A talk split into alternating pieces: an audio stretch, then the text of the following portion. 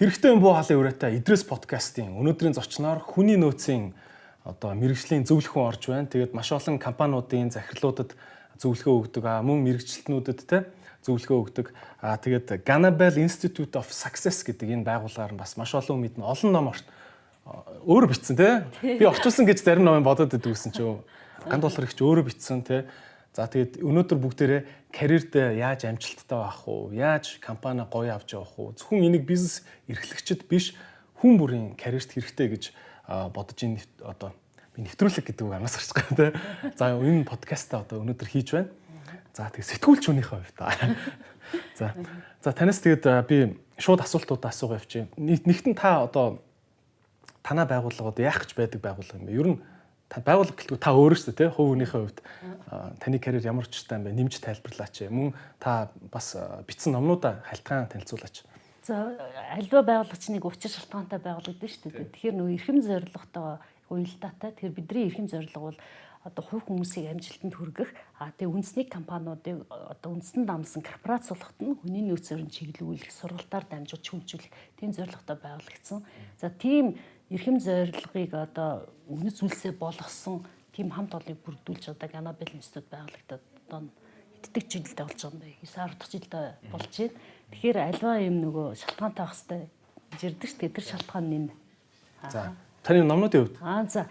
Тэгэхээр яг анх Мичгааны их сурвалж хүний нөөцийн менежментээр суралцж байхдаа надад ямар бодол орж ирсэн бэ гэхээр ерөөсө хүн амжилтанд хүрж явах хавцтай нэг ном бичиж бичсэн номоо яг бусад одоо амжилтанд хүрэхийг хүсэж байгаа хүмүүсээ дагуулъя. Тэр хүмүүстээ уриалъя гэдэг тэр амжилтын арга болох ингээд ном бичсэн. За тэрнээс хойш бол тэгэл англи хэл сурах аргачлал байна. Тэр санхүүгийн боловсролыг одоо бий болгох өртөө хүн өөдөлдөг гэдэг ном байна. За тэгээд дээрээс нь өртөө хүн өөдөлдөг тийм. Үр зээлийг тийм санхүүгийн хөшүүрэг болгож хэрэглэх хэрэглэхээс биш зүгээр хэрэглээндээ зориулж зээл авчлахгүй гэдэг санааг өгч зорилготой. За тэгээд сүүлд одоо гаргасан ном бол одоо шилдэг борлуулагчийн арга билгийн арга ухаан гэдэг тэг өрөнд орны соёлыг хослуулсан.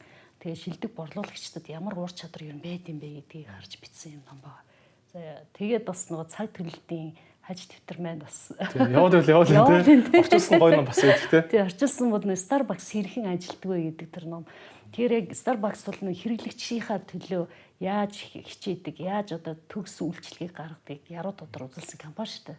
Тэгээд монголчууд бас ийм одоо компани шиг болчихсон гэдэг утгаараа орчуулж гаргаж ирсэн. Starbucks-ын талаар би өчигдөрхөн яг видео үзчихсэн. Starbucks-д ингээд кофе захиалахаар кофен дээр нэрийг бичээд буцаагаад дууддаг штэ. Хөө хинэ гээд. Тэгээ албаар буруу ичдэг гинэ тэд нар. Гэхдээ тэргээ зарлдаггүй. Тэгэхээр нөгөө миний нэрийг ийм мангар биччихэж гээд хүмүүс тэргээ сошиал дээрээ тавьдаг. Тэгээд тэр нь асар ийм үр дүнтэй одоо маркетингийн арга хэрэгсэл гэж байгаа байхгүй. Тэ хүний нэрийг идрээ гэдэг одоо юу гэдэг чи идэм идэмрээ гэд биччихэж байна шүү дээ. Албаар тий. Тий ийм гоё зөвүүн компани юм бэл л дээ тий. За Starbucks-ийн хувьд бол бас монголчуудын сураасаа гэж хүсэж байгаа юм. Хэрэглэгч, нийлүүлэгч төр бүх оролцогч талуудаа нэгэн цул болгоцсон тийм юм хийдэг байхгүй. Тэгэхээр хэрэглэгч нь нөгөө голынхаа нөгөө талд ч юм уу, харилцагч ч юм уу нөгөө талд гардаггүй. Бүгднийг нэгэн цул болгоцсон. Одоо ямар маркетинг хэрэгдэг вэ гэхээр хэрэглэгчдийн тэр гомдол саналыг өөрснийхөө ажлыг сайжруулах боломж олгоо хувирсан. Тэгэд одоо Starbucks санал байна гэдэг тийм компанид ажил явуулдаг. Тэнгүүт нөгөө хэрэглэгч нь өөрөө мөнгөө төлжтэй өөрөө өө сэрийг харангаа энийг ингээд цэвэрлжүүл яасан, ингээд янзлжүүл яасан ингээд саналыг нь санал өгнө шүү дээ. Тэнгүүт нь Starbucks-ха яадаг гэхээр цуглуулж агаад хамгийн шилдэг санал, хамгийн одоо зарлыг буруулсан одоо тэ санал ирүүлсэн хэрэглэгчтэй талхарлаа гэл ингээд билүүгөө авчдаг. Тэнгүүт нь хэрэглэгчт манай Starbucks гэж ярьж эхэлдэг болсон байгаа байхгүй.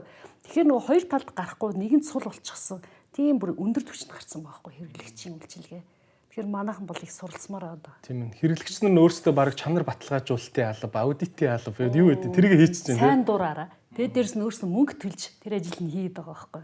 Маш ухаан зарж байгаа. Анх наваг анх нөгөөх нэг юм утасгүй зүгээр уцаа ингээд дээр нь тавихад ингээд цэнгэлдэг юм зайнаас цэнгэлдэг юм гарлаа штэ. Тэгтэл би яг санд хамгийн анх Starbucks дотор өшөө нөгөөх нэг ширээн дээр ингээд суулгацсан байгаа байхгүй бөөрхөн юмтай. Тэгэл уцаа ингээд тавиал цэнгэлдэг. Айгуу тийм Wi-Fi-араа бас их хүмүүсийг татсан тий хамгийн анх. Их тийм юу компани шүү дээ. Хүн юу дуртай байна гэдгийг олж хардаг компани тий. Тэгээд бас 5 дахь өдөр болгоно нөгөө хүмүүсний вино минь уудаг нэг тийм social activity хэмээр байдаг. Тэнгүүд тэд нар яасан бэ хэр хэрэглэгчтэйхээ хүсэлд одоо тулгуурлаад одоо Friday evening гэдэг юм зарлсан. Тэгээд тэрэн дээрээ хүмүүс өөрснөө виногоо авчирч уудаг Тэгээд эрэнгүүт нь ийш тийш явахгүй нэ Starbucks хүмүүсээ бариад байгаа байхгүй. Тэгээд тэр саналыг хин гаргасан хэр хэрэглэгч гаргасан байхгүй. Яа тэг хэрэглэгч нь өөрөө виногоо барьж орж ирээд кофе шоп дотор ууд юм уу тийм кофе шопто уудаг тийм private party болоо хувирсан. Тэгээд үнэн ч тийм хэрэглэгчтэй зориулсан тийм ивентүүдийг хийдэг. Тэгээд хүмүүсээ татаал идэг. Тэгэхээр хэрэглэгчдийн хүсэж байгаа зүйлийг хийгээд ахаар хэрэглэгчт нь өөрөө бүр ингээд үнэн ч хэрэглэгч болсон. Тэгээ өөрийн чиглэлээр аудитны хүнтэй үйл ажиллагаа сайжруулдаг, бүтээмжийг сайжруулдаг аль болдод хувирсан байгаа байхгүй. Энэ бол маш ухаалаг шийдлээ. Тийм ээ. Тэгэхээр та иймэрхүү ноу хаунуудыг ингээл Монгол компаниуд хурдан сураал тэгэл дэлхийд бүгдээрээ гарцгааяа л гэдэг л хүн яваад шүү дээ. Тийм тийм. За өнөөдөр таньс би бас зөвхөн компани захирлууд гэлтгүү зүгээр одоо тэ мэрэгчлээ дөнгөс сонгоо явж байгаа оюутан залуучууд ч хэрэгтэй бас асуумаар байна. За а сүүлийн үед бас энэ нөгөө гэрээсээ ажиллах гэдэг юм их яриад байна те. Энэ яг юу болоод байна? Ингээ барууны нийтлэг харахаар зарим нь гэрээсээ ажиллах бол худлаа гэл, зарим нь болохоор эн чин бол ирээдүү гэл ингээд хоёр хогтцсон л яваад байна л та те. Гэтэ бас эцсийн дүн хариу гараагүй бах те. Гэрээсээ ажиллах гэдэг нь бол а одоо шин нормал болоод хувирлаа энэ гэл те. Нөгөө талд нь тэнгүүд зарим нь гэртээ зүгээр сууж байгаа ч юм уу, зарим нь үнэхээр ажиллаад тахт нь босс нь харж үнэлэхгүй байгаа ч юм уу те. Энд гэрээсээ ажиллахтай холбоотой ямар шин одоо анхааруулжтай зүйлүүд гарч байна те. Ямар шин шийдлүүд байна. За гэрээсээ одоо бол байгууллагуудад ингээд бас HR-ын консалтан үзүүлж явах явцад сая яг энэ ковидос болоод одоо яг энэ нөхцөл байдалд ямар хариу үзүүлэх вэ гэдэг ийм зөвлөгөөний хэрэгцээ шаардлага гарсан. Дээрээс манай байгууллагч гэсэн бас яг энэ үйл ажиллагаагаа тасалдахгүй хэвээ явуулахын тулд өсөн үсээгүй бид нар яг гэрээсээ ажиллах хэрэг гарч байгаа байхгүй. Тэнгүүт нь гэрээсээ ажиллахын тулд хамгийн түрүүнд бид нар нөгөө сарын KPI-г бол сараар нь тэ ажиллаа төлөвлөөд хоёр талаасаа за ийм ажлыг төлөвлөсөн бол ийм 2 3 ажлыг нэмчмээр байна гэдээ хоёр талаасаа тохироод сарын дараа үр дүнгээ тооцдог байсан чинь яг ингээ гэрээрээ ажиллаад эхэлсэн чинь сар ч айгу урт хугацаа болж хурж байгаа байхгүй. Тэгээд дөрөнгөт нь ямар одоо зөвлөгөө өгөөд би ч гэсэн өөрийнхөө байгууллага дээр хэрэгжүүлсэн бэ гэхээр 7 хоног болгон ажлынхаа одоо тайлан тавьдаг. Гэхдээ Google Drive дээрээ фолдер үүсгээд тэрэн дээр өөрийнхөө ажлуудын гол гол key point-ууд буюу ийм юм ажлуудаа хийлээ гэдэг ингээд явцсан. Сүүлдээ бүр ингээд нарийсаад өдөр өдрөөр нь хийдэг ажлуудаа яг хуу репортлоо явуулчихад эхэлж байгаа байхгүй. Тэгээд тэр репортлж байгаа тэр shared folder-т байгаа тэр тайлангууд гэх юм уу те хийсэн ажлууд нь бусад хүмүүстэй нээлттэй байдаг. Тэнгүүд аа энэ энэ дээр явж байгаа юм байна. Тэгэхээр одоо бид нар чинь багаар ажиллаж байхад дандаа харилцан биенээс уялдаа холбоотой хамааралтай ажиллаад байгаа шүү дээ. Тийм учраас яг тэр хурдаа алдахгүй тулд одоо яг гэрээсээ ажиллаж байхдаа KPI-ийг энэ бол яаж хийх вэ гэхээр э, сараар биш 7 хоногор хийх бүр одоо шаардлагатай үед бүр өдөр өдрөөр нь ажлынхаа репортыг бичдэг тийм юм руу шилжиж байгаа. Аа тэгээд яг ингэ зөвлөгөө өгөөд эргээд ингээ харахад яаж юм гэхээр зарим хүмүүст бол яг гэрээрээ ажиллах нь маш их цохоод байгаа. Ерөөсөө ин гэрээр ажиллах чинь маш өндөр бүтээмжтэй байд юм байна гэж. Зарим нь бол надад морчин байхгүй байна. Би өөртөө хурдхан шиг те дээр очимоор байна гэд. Тэгэхээр бас сонголт өгүүлэх зөөр юм блэ.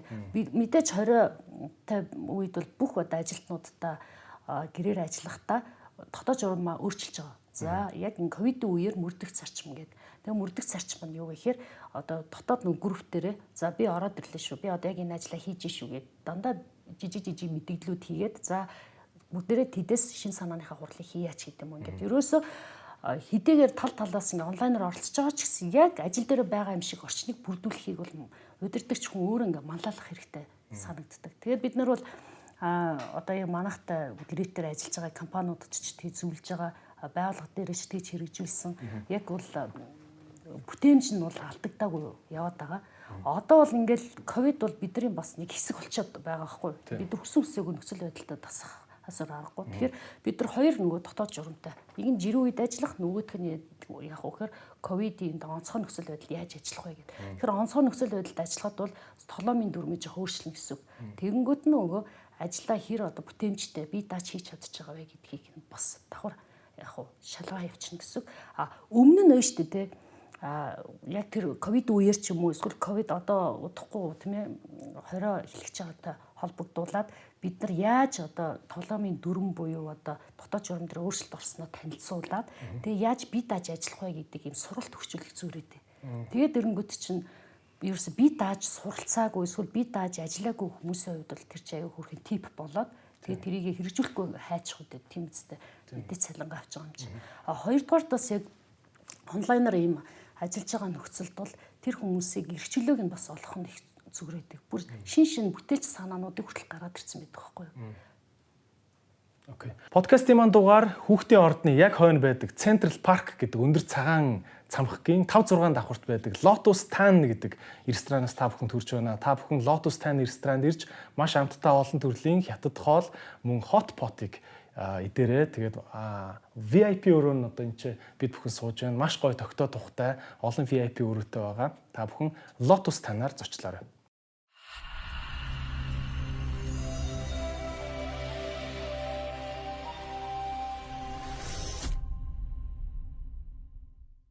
Подкастын спонсор дархлаа сайжруулах бэлтгэл Цэник. За Цэник гэдэг бүтээгдэхүүн нь бол одоо энэ ковидтой бүгдээрээ дархлаагаа маш өндөр бэлэн байдалтай байлгах шаардлагатай энэ үед хамгийн чухал бүтээгдэхүүнүүдийн нэг байгаа. За тэгээд дорны ангаах ухааны гайхамшигт ургамлуудын нэг болох хунчир гэдэг ургамлын ийм хандыг таны цүнхэндээ аваад явж яхад жифтийнхэн савлгаатай болгоод хүргэж байгаа. За цэник бүтээгдэхүүнийг та бүхэн өдөрт нэгийг 30 өдөр дараалж хэрэглээд курс маягаар хэрэгжилж болно. А энэ нь эмийн бүтээгдэхүүн биш учраас та бүхэн ямар ч одоо эмчилгээнийхээ үед дархлаагаа сайжруулах зорилгоор нэмэлт бүтээгдэхүүн болгоод хэрэгжилж болно. За тэгээд бие эсэргүүцэл сайжруулна, ажлын эрч хүчийг нэмнэ, таны бие сүлдэд байвал цэник гэдэг бүтээгдэхүүнийг хэрэглээрэй. Цэник дархлааг дэмжинэ. Тэгэхээр ямар ч цаг хугацааны мэдрэмж бол шал өөр болчихж байгаа юм байна тий. Тэгээ сардаа нэг цуглая гэсэн бол одоо баг өдөр болгон те юунуудаа явуулаарай. Репортуудаа явуулаарай те. А яг манайх нөгөө IT-ийн компани, манай компанийн хувьд бол яг юм шилжилт айгу хурдан болсон л доо. За бүгд гэр гэрлүүгээ компьютер аваа яваараа саналнуудаа авч явж болно гэд. Нэг асуудал үүд юм байна. Айгу сонио энгийн энгийн юм шиг мөртл айгу хорлонтой. Айлд ингээ удаан суугаад ажил хийхэд тохиромжтой сандал айлуудад байдгүй юм. За. Гэрт нь. Тий. Тэгээд нөгөө гэрийнхэн ямар нэгэн сандал дээр суучдаг. Тэгээд жоохон байж байгаа нуруу нүвтөд эхэлдэг тий. Хүзүү нүвтдэг. Тэнгүүд одоо сүултэд тэгсэн тэгээд за нэг нэг сандал авч яваараа тэгтээ буцаж авчир шүү тий. Тэгээд нэг ажлын манай офисын ажлын сандал яг тал нь бол аваад явд юм билээ хүмүүс. Тий. Тэгээд тэр танаа сандлуудыг супер сандал гэж ойлгож болох уу? Уу яг тухайн анги айлын гэрт байгаа сандлаас дээр байна ямарчсан тий. Тэгээд нөгөө бид нар өөрсдөө анзаардаг боловч тэр чинь нөгөө ажлын орчны айгу чухал хэсэг юм байна л да. Аа офисын гой сандал гэдэг чинь. Тийм. Тэрийг э, би айгуу сонин сүулт анзаарсан. Аа бас нэмээд хэлэхэд те. Окей. За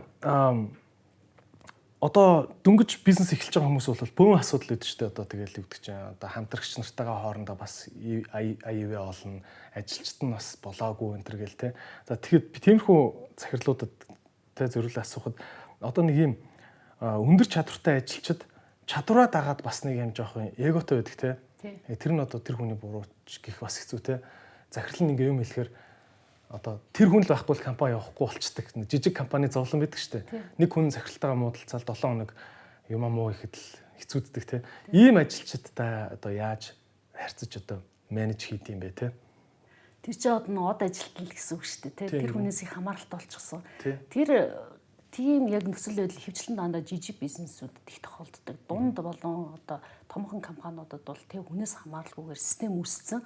Тэгээд тэр нөгөө систем нь өөрөө тэр хүний нөгөө тэр од тоологч байхаас илүү систем нь өөрөө үйлчлэл явчихдаг байхгүй. А жижиг байгууллагууд дээр яалтчгүй нөгөө бие биенээсээ хамааралтай байгаас гадна тэр од одоо ажилтан гэж яриад байгаа. Тэгэхээр тэр хүний нөгөө үнэт сүлсээс аягүй шалтгаална. Үнэхээр байгууллагын үнэт сүлстэй тохирохгүй байгаа бол а тэгээ дээрээс ингээ ганцаарчлсан тоглолт хийгээд байгаа бол эртнээс баг явуулсан дээр. А гэтэл тэр хүнээс дэндүү хамааралтай те байхгүй болохгүй гэсэн юм нөхцөл байдалд бол нөгөө алсын хараагаа ойлгуулад тэгээд багийн нөгөө те бие биенийг нөхөх нөхөж чаддаг. Би би хамтдаа байж ч одоо тий нэгэн том цул одоо тий үр дүн гаргана гэдэг юмыг бол баг багаар хийх хэрэгтэй. Янз янзын сошиал активити хийгээл дээрэс нь ганцаарчилсан бас уулзалтуудыг хийлэх зүгээр шүү дээ.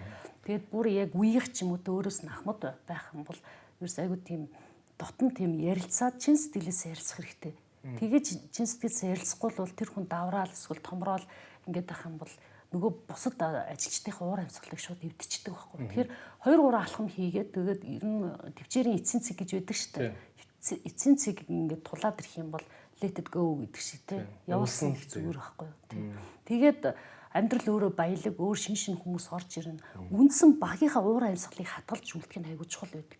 Тэгээд бас нэг удирдахч нь өөрөө ийм айцтай байдаг байхгүй. Яана энэ хөнгүүргээр манай бизнес яана, манай хамт олон яана гэдэг энэ айдсаасаа болоод нөгөө хүний чинь явуулахгүй ингээд чичрээд байгаад идэх байхгүй. Нэг зоддог нөхрөөсөө салахгүй байгаатай л адилхан мэт ер нь.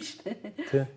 Тэгэхээр бас нөгөө өөрийн удирдахч хүн өөрөө сэтгэл зүгөө бэлтгэх хэрэгтэй байгаа байхгүй. За энэ хүн үнэхээр тий манай хамт олон тохирохгүй юм байна. Манай соёлд нийцэхгүй юм байна. Би одоо яах вэ гэд би хувилбараар бодож байхгүй бол өөрийнхөө зүгээс хийх стомаа хийчих үлдснийг нь бурхан мэднэ гэдэг шиг те.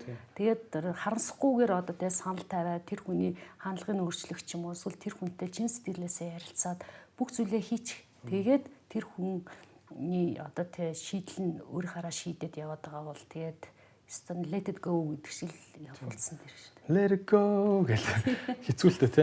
Гэхдээ ер нь айдас гэдэг юм дандаа хүнийг ингэж ямарваа нэгэн зөв үйл хийхээс нь дандаа хашчиад юм шиг санагдаад идэг те амьдралын ер нь бүх юм дээр те ингээд айцтай баригдаж хийсэн шийдвэр хинхтэй буруу байдаг гэж хэлвэл буруутах зөвдгөө юу гэж бодож яг өөрөө чи үнсгээс тэгж бас ойлгож болно. Тэгэхээр айдас өөрөө бас хоосон чанартай байгаа байхгүй. Тэгээ хоосон чанартай гэдэг юм байна. Өөрийг чинь харж байгаа тэр айдас гэж харж итэл миний үнсгээс тэр айдас биш болж харагдаж болох байхгүй. Тэгэхээр айдас бол өөрийнхөө үнсгээс бол айдас биш гэж томьёологддог штэ. Тийм учраас юуг айдас вэ гэж үзэхээр хамгийн муугаар утгад энэ нөхцөл байдал ямар одоо үр дагавар авчрах вэ гэдгээ тооцсон бол айдсаас ангид одоо тий гарч чаддаг тийм одоо тийм таталтай болчт юм лээ. Тэр нь айдсгүй хүн чинь сэтгэлийн амар амгалан тайван байдалтай байна дээ. Айдс бол тэг хүнийг ингээд нөгөө боомлждаг штэ тий. Боомлоод ирэнгүүт нь тийм юм мөрөөд чинь ийм хийх хүсэж байна гэдэг ийм мөрөөдөл байсан ч гэсэн даанч надад айдс байна. Тий би одоо тийш ямаар байна, нийшээ ямаар байна, эсвэл өөрийнхөө хүсэж байгаа маа хиймээр байна гэж итл одоо яана би цалингуулчул яана эсвэл би компани ингээ байгуулсан чинь дампуурчул яана гэдэг энэ айдас нь л тэр хүний дандаа мохоогоод идэг. Тэгээ тэгэхээр яг үнэн чанартай айдас бол хоосон чанартай. А тэгээд тэр хүн яаж харж байгаас л тэр хүнд айдас болно. Тэгэхээр чи тэрийг айдас гэж бодож байгаа бол чиний зүг. Айхгүй байх юма бодоод тооцоолчвол тий тэр айдас биш болж хувирна. Тийм ээ. Тий. Аа. Окей. Бараг наач одоо гүн ухааны, буддын ухааны юу шүү дээ, тий. Одоо тэгтээ яг ийм суур ойлголтууд ер нь бид нар л наана ингээл менежмент, бизнесийн одоо алхам гэж хараад байгаа боловч ихэнх юм цаана бас ингээд бүр ингээд гүн ухааны одоо ойлголттой байж аж тэр менежмент нь зөв явдаг тий. Тий. Таны бодлоор одоо ингээд за жишээ нь айцтай нүүр тулахаараа ингээд шууд боомлогдчихдаг хүн бол зөндөө менежментийн алдаа гаргах нь те. Өөр таны харж байгаагаар яг юм суур одоо юм баг одоо буддын ухаан гимээр зүйлүүдээс болоод ингээд тэрэн цаашаа ингээ ургаад айгүй олон бизнес менежментийн том алдаа болоод идэг. Тим суур одоо одоо асуудлууд гэх юм уу те. Таны олж харж байгаагаар юу юу байдаг вэ? Тэгвэл хамгийн ойрхон жишээ бол юу гэхээр хүмүүс нөө бизнес хийхдээ мөнгө олохын тулд бизнес хийдэг. Гэтэл тэр нь юу вэ гэхээр яг мөн чанар нь бол мөнгө олохын тулд бизнес хийх юм бол тэр чинь хол явахгүй байхгүй. Гэтэл тухайн хүний асуудлыг шийддэг нийгэм тулгаад байгаа асуудлын шийдэл болгодог бүтээгдэхүүн үйлчлэгээ болгож өгөх юм бол тэр чинь урт хугацаанд тогтно шүү дээ. А тий араас нь мөнгө ирдэг.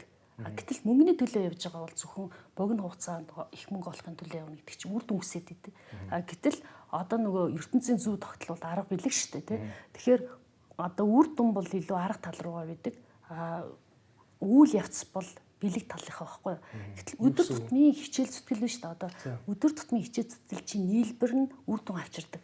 А гэтэл одоо барууныхаа юу гэж ярьдаг вэ гэхээр чиний яаж хичээх нь чухал биш үр дүн чухал гэж ярьдаг шүү дээ. Тэгээ намайг ч гэсэн Америкт ажиллаж байхад манай босс тэгдэгсэн байхгүй. Одоо ажилтнуудаа а гэтэл энэ бол өрнийн сэтгэлгээ. А дорны сэтгэлгээ бидний хувьд бол өдөр тутмын хийж байгаа ажлаа сайн хийгээл хичээгээ яваад байвал хизээ нэг цагт тэр зорьсон зорилготой хүрэн. Тийм учраас та өдөр болгон амжилттай байж чадна гэж үздэг.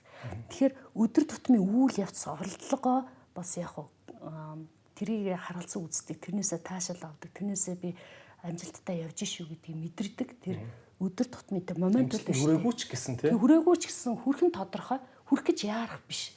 Яарна гэдэг чинь дандаа одоо байгаа моментод татгалзаж чинь гэсэн үг байхгүй.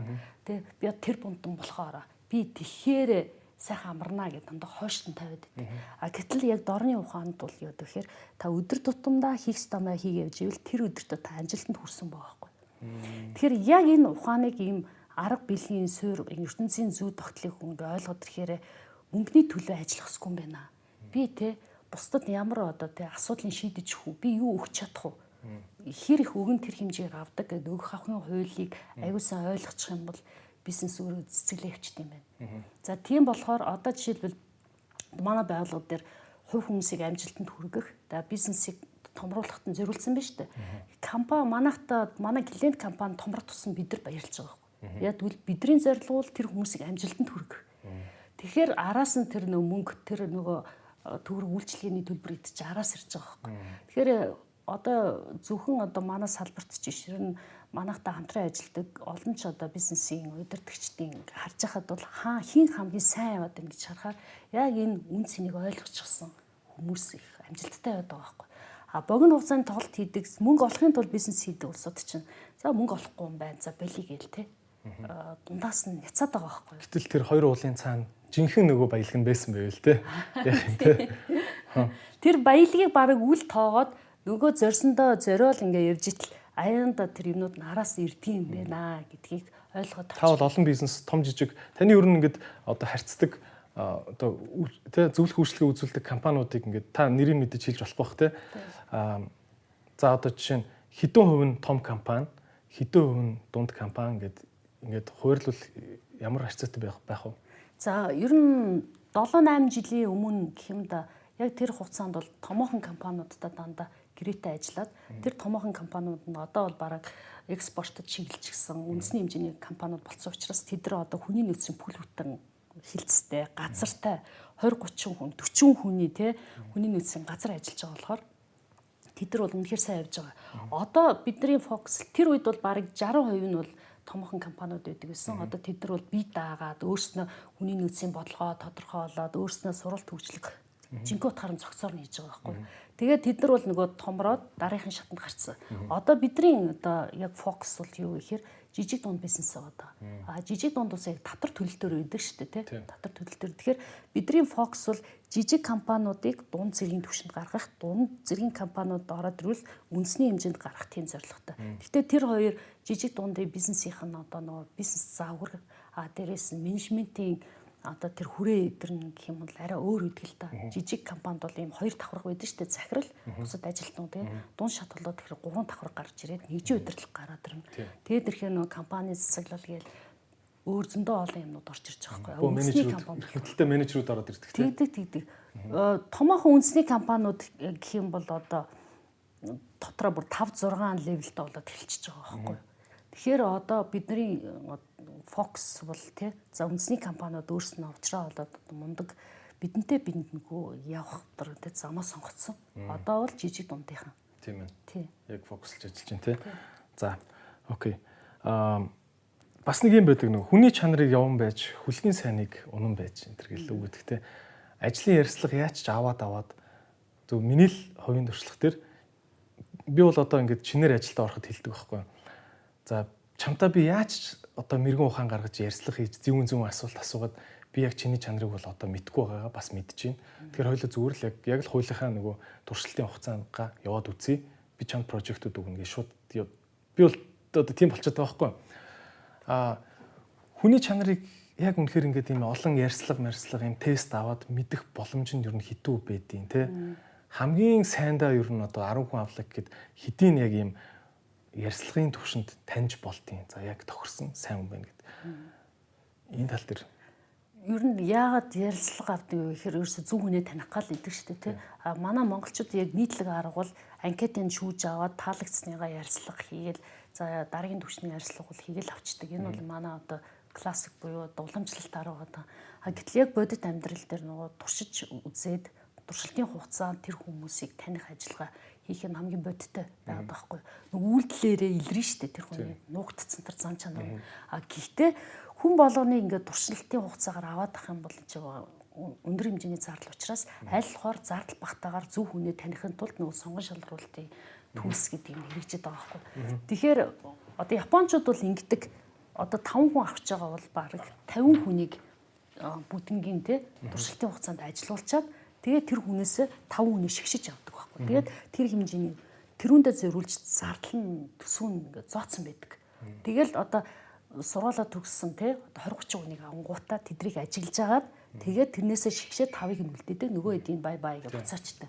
А Монголд бол тийм төсөв байдаггүй учраас аль болохоор л сонгон шалралтанда зөв хүн авах гэдэг харамсалтай нь манайхны нэг алддаг алдаа биш үү те ямар алдаа гараад вэ гэхээр өөрийнхөө соёлыг шал өөрөөр төсөөлчөөд бодит амьдрал дээр шинэр хүн аваад ирнэ штэ тэгээд өнгөт нөгөө хүн чинь ярьжсэн тэр нөгөө зар дээр байсан соёлынхын дагуу төсөөлөө ороод ирсэн чинь шал өөр соёл өгдөж идэх байхгүй жишээлбэл багаар ажиллах те бүтээл сэтгэлгээтэй байх хэвээр бла бла гэх ярангуутаа бодит амьдрал дээр багаар ажилдаггүй те. Айгу хувиа хичээсэн хувийн тоглолтыг илүү дэмждэг. Тэгээд удирдах удирдуулах ёс байхгүй соёл байхгүй бол нөгөө хүн чинь гар авчиж байгаа байхгүй. Тэгэхээр бол нь шүү дээ сонгон шалралт бол энэ хоёр талын майч явах хэрэгтэй байхгүй нэг нь нэг тал нь юу гэхээр би энэ байгууллагт ер нь үлдээд ажиллах хүн үү?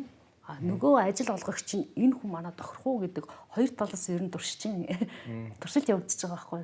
Тэгэхээр чиний асуултанд хариулахад сонгон шалгаруултыг аль болохоор зардал багтаа хий гэвэл байгууллагынхаа үнэт зүйлстэй тэр хүн нийцэж гэнэ үгүй юу гэдгийг л аль болохоор тохируулах юмуд хийлэх зүрээд. А мэдээж өөрөө чи хэлдгээр туршилтаар явах юм бол хамгийн одоо тий зөв хувилбар. Гэхдээ хүн болгоныг 2 3 сар ингээд оруулцдаг. Тэр чинь нөө хавга алдна тий. А тэгээ дээрэс нь тодорхой хэмжээнд тэр хүмүүсийг 2 3 сараар ажилуулж явахдаа бас юу гэдэг цалин төлнө штэ. Тийм болохоор тэр сонгосон шалралтанда ач холбогдол өгөхдөө бас нарийн нарийн аргууд ашиглуулах зүрээдээ.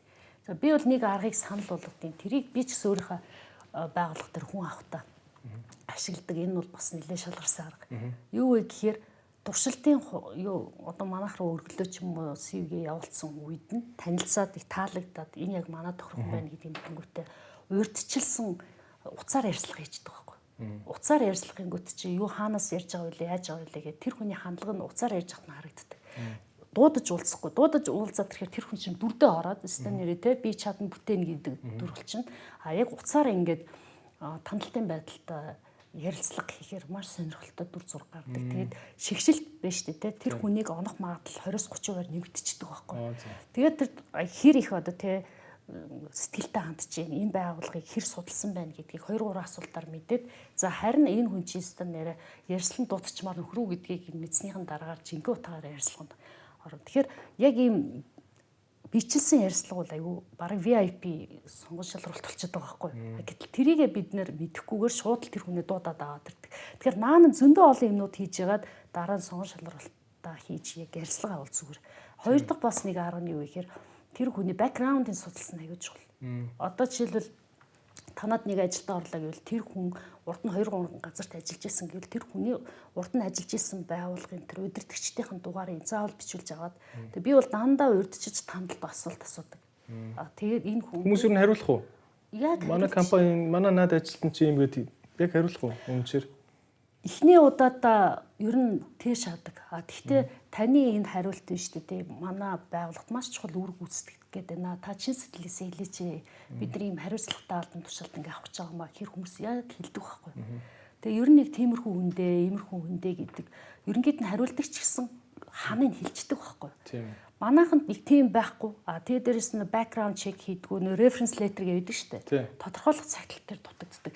Тэгэхээр Гэрийн даалгавар аягүй сайн хийчих юм бол сайн үнэ сонгоод авчих штеп. Тийм ээ. Содорхойлох захидал авчруулсан ч гэсэн тэгээ тэрийнх нь араас нь мөшгөж нэх үнэн захиа үн худлаа захиа үн асуудгүй хайчдаг юм шиг тийм. Тийм тийм. Яг итгэдэг те. А гэтээ тэр итгэдэг ч юм уу эсвэл одоо уцдахгүй байгаа тэр нь маш их хэмжээний зардал болж буцаад ирдэг байхгүй.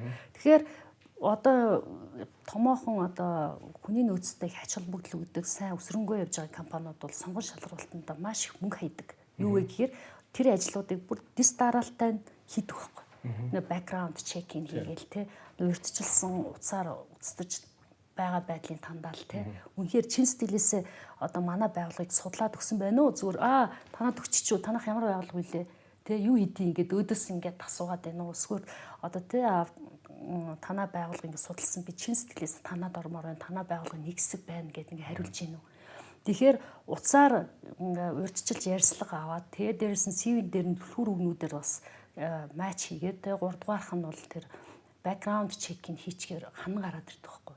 Тэгээд дараа нь тэр нөгөө шалгалт малгалт авах тэгээ дээрээс нь тэр ярьслагыг бол бүр сүлд нь хийнэ. За бас нэг хийдэг одоо миний аргачлал болон бас байгууллагууд дээр санал болгоод нэвтрүүлж байгаа нь юу вэ гэхээр тэр хүнд манай байгууллагт байдаг үнэт зүйлс байгаа юу гэдгийг шалгаад авчих хэрэгтэй. Яаж тэрийг шалгах юм?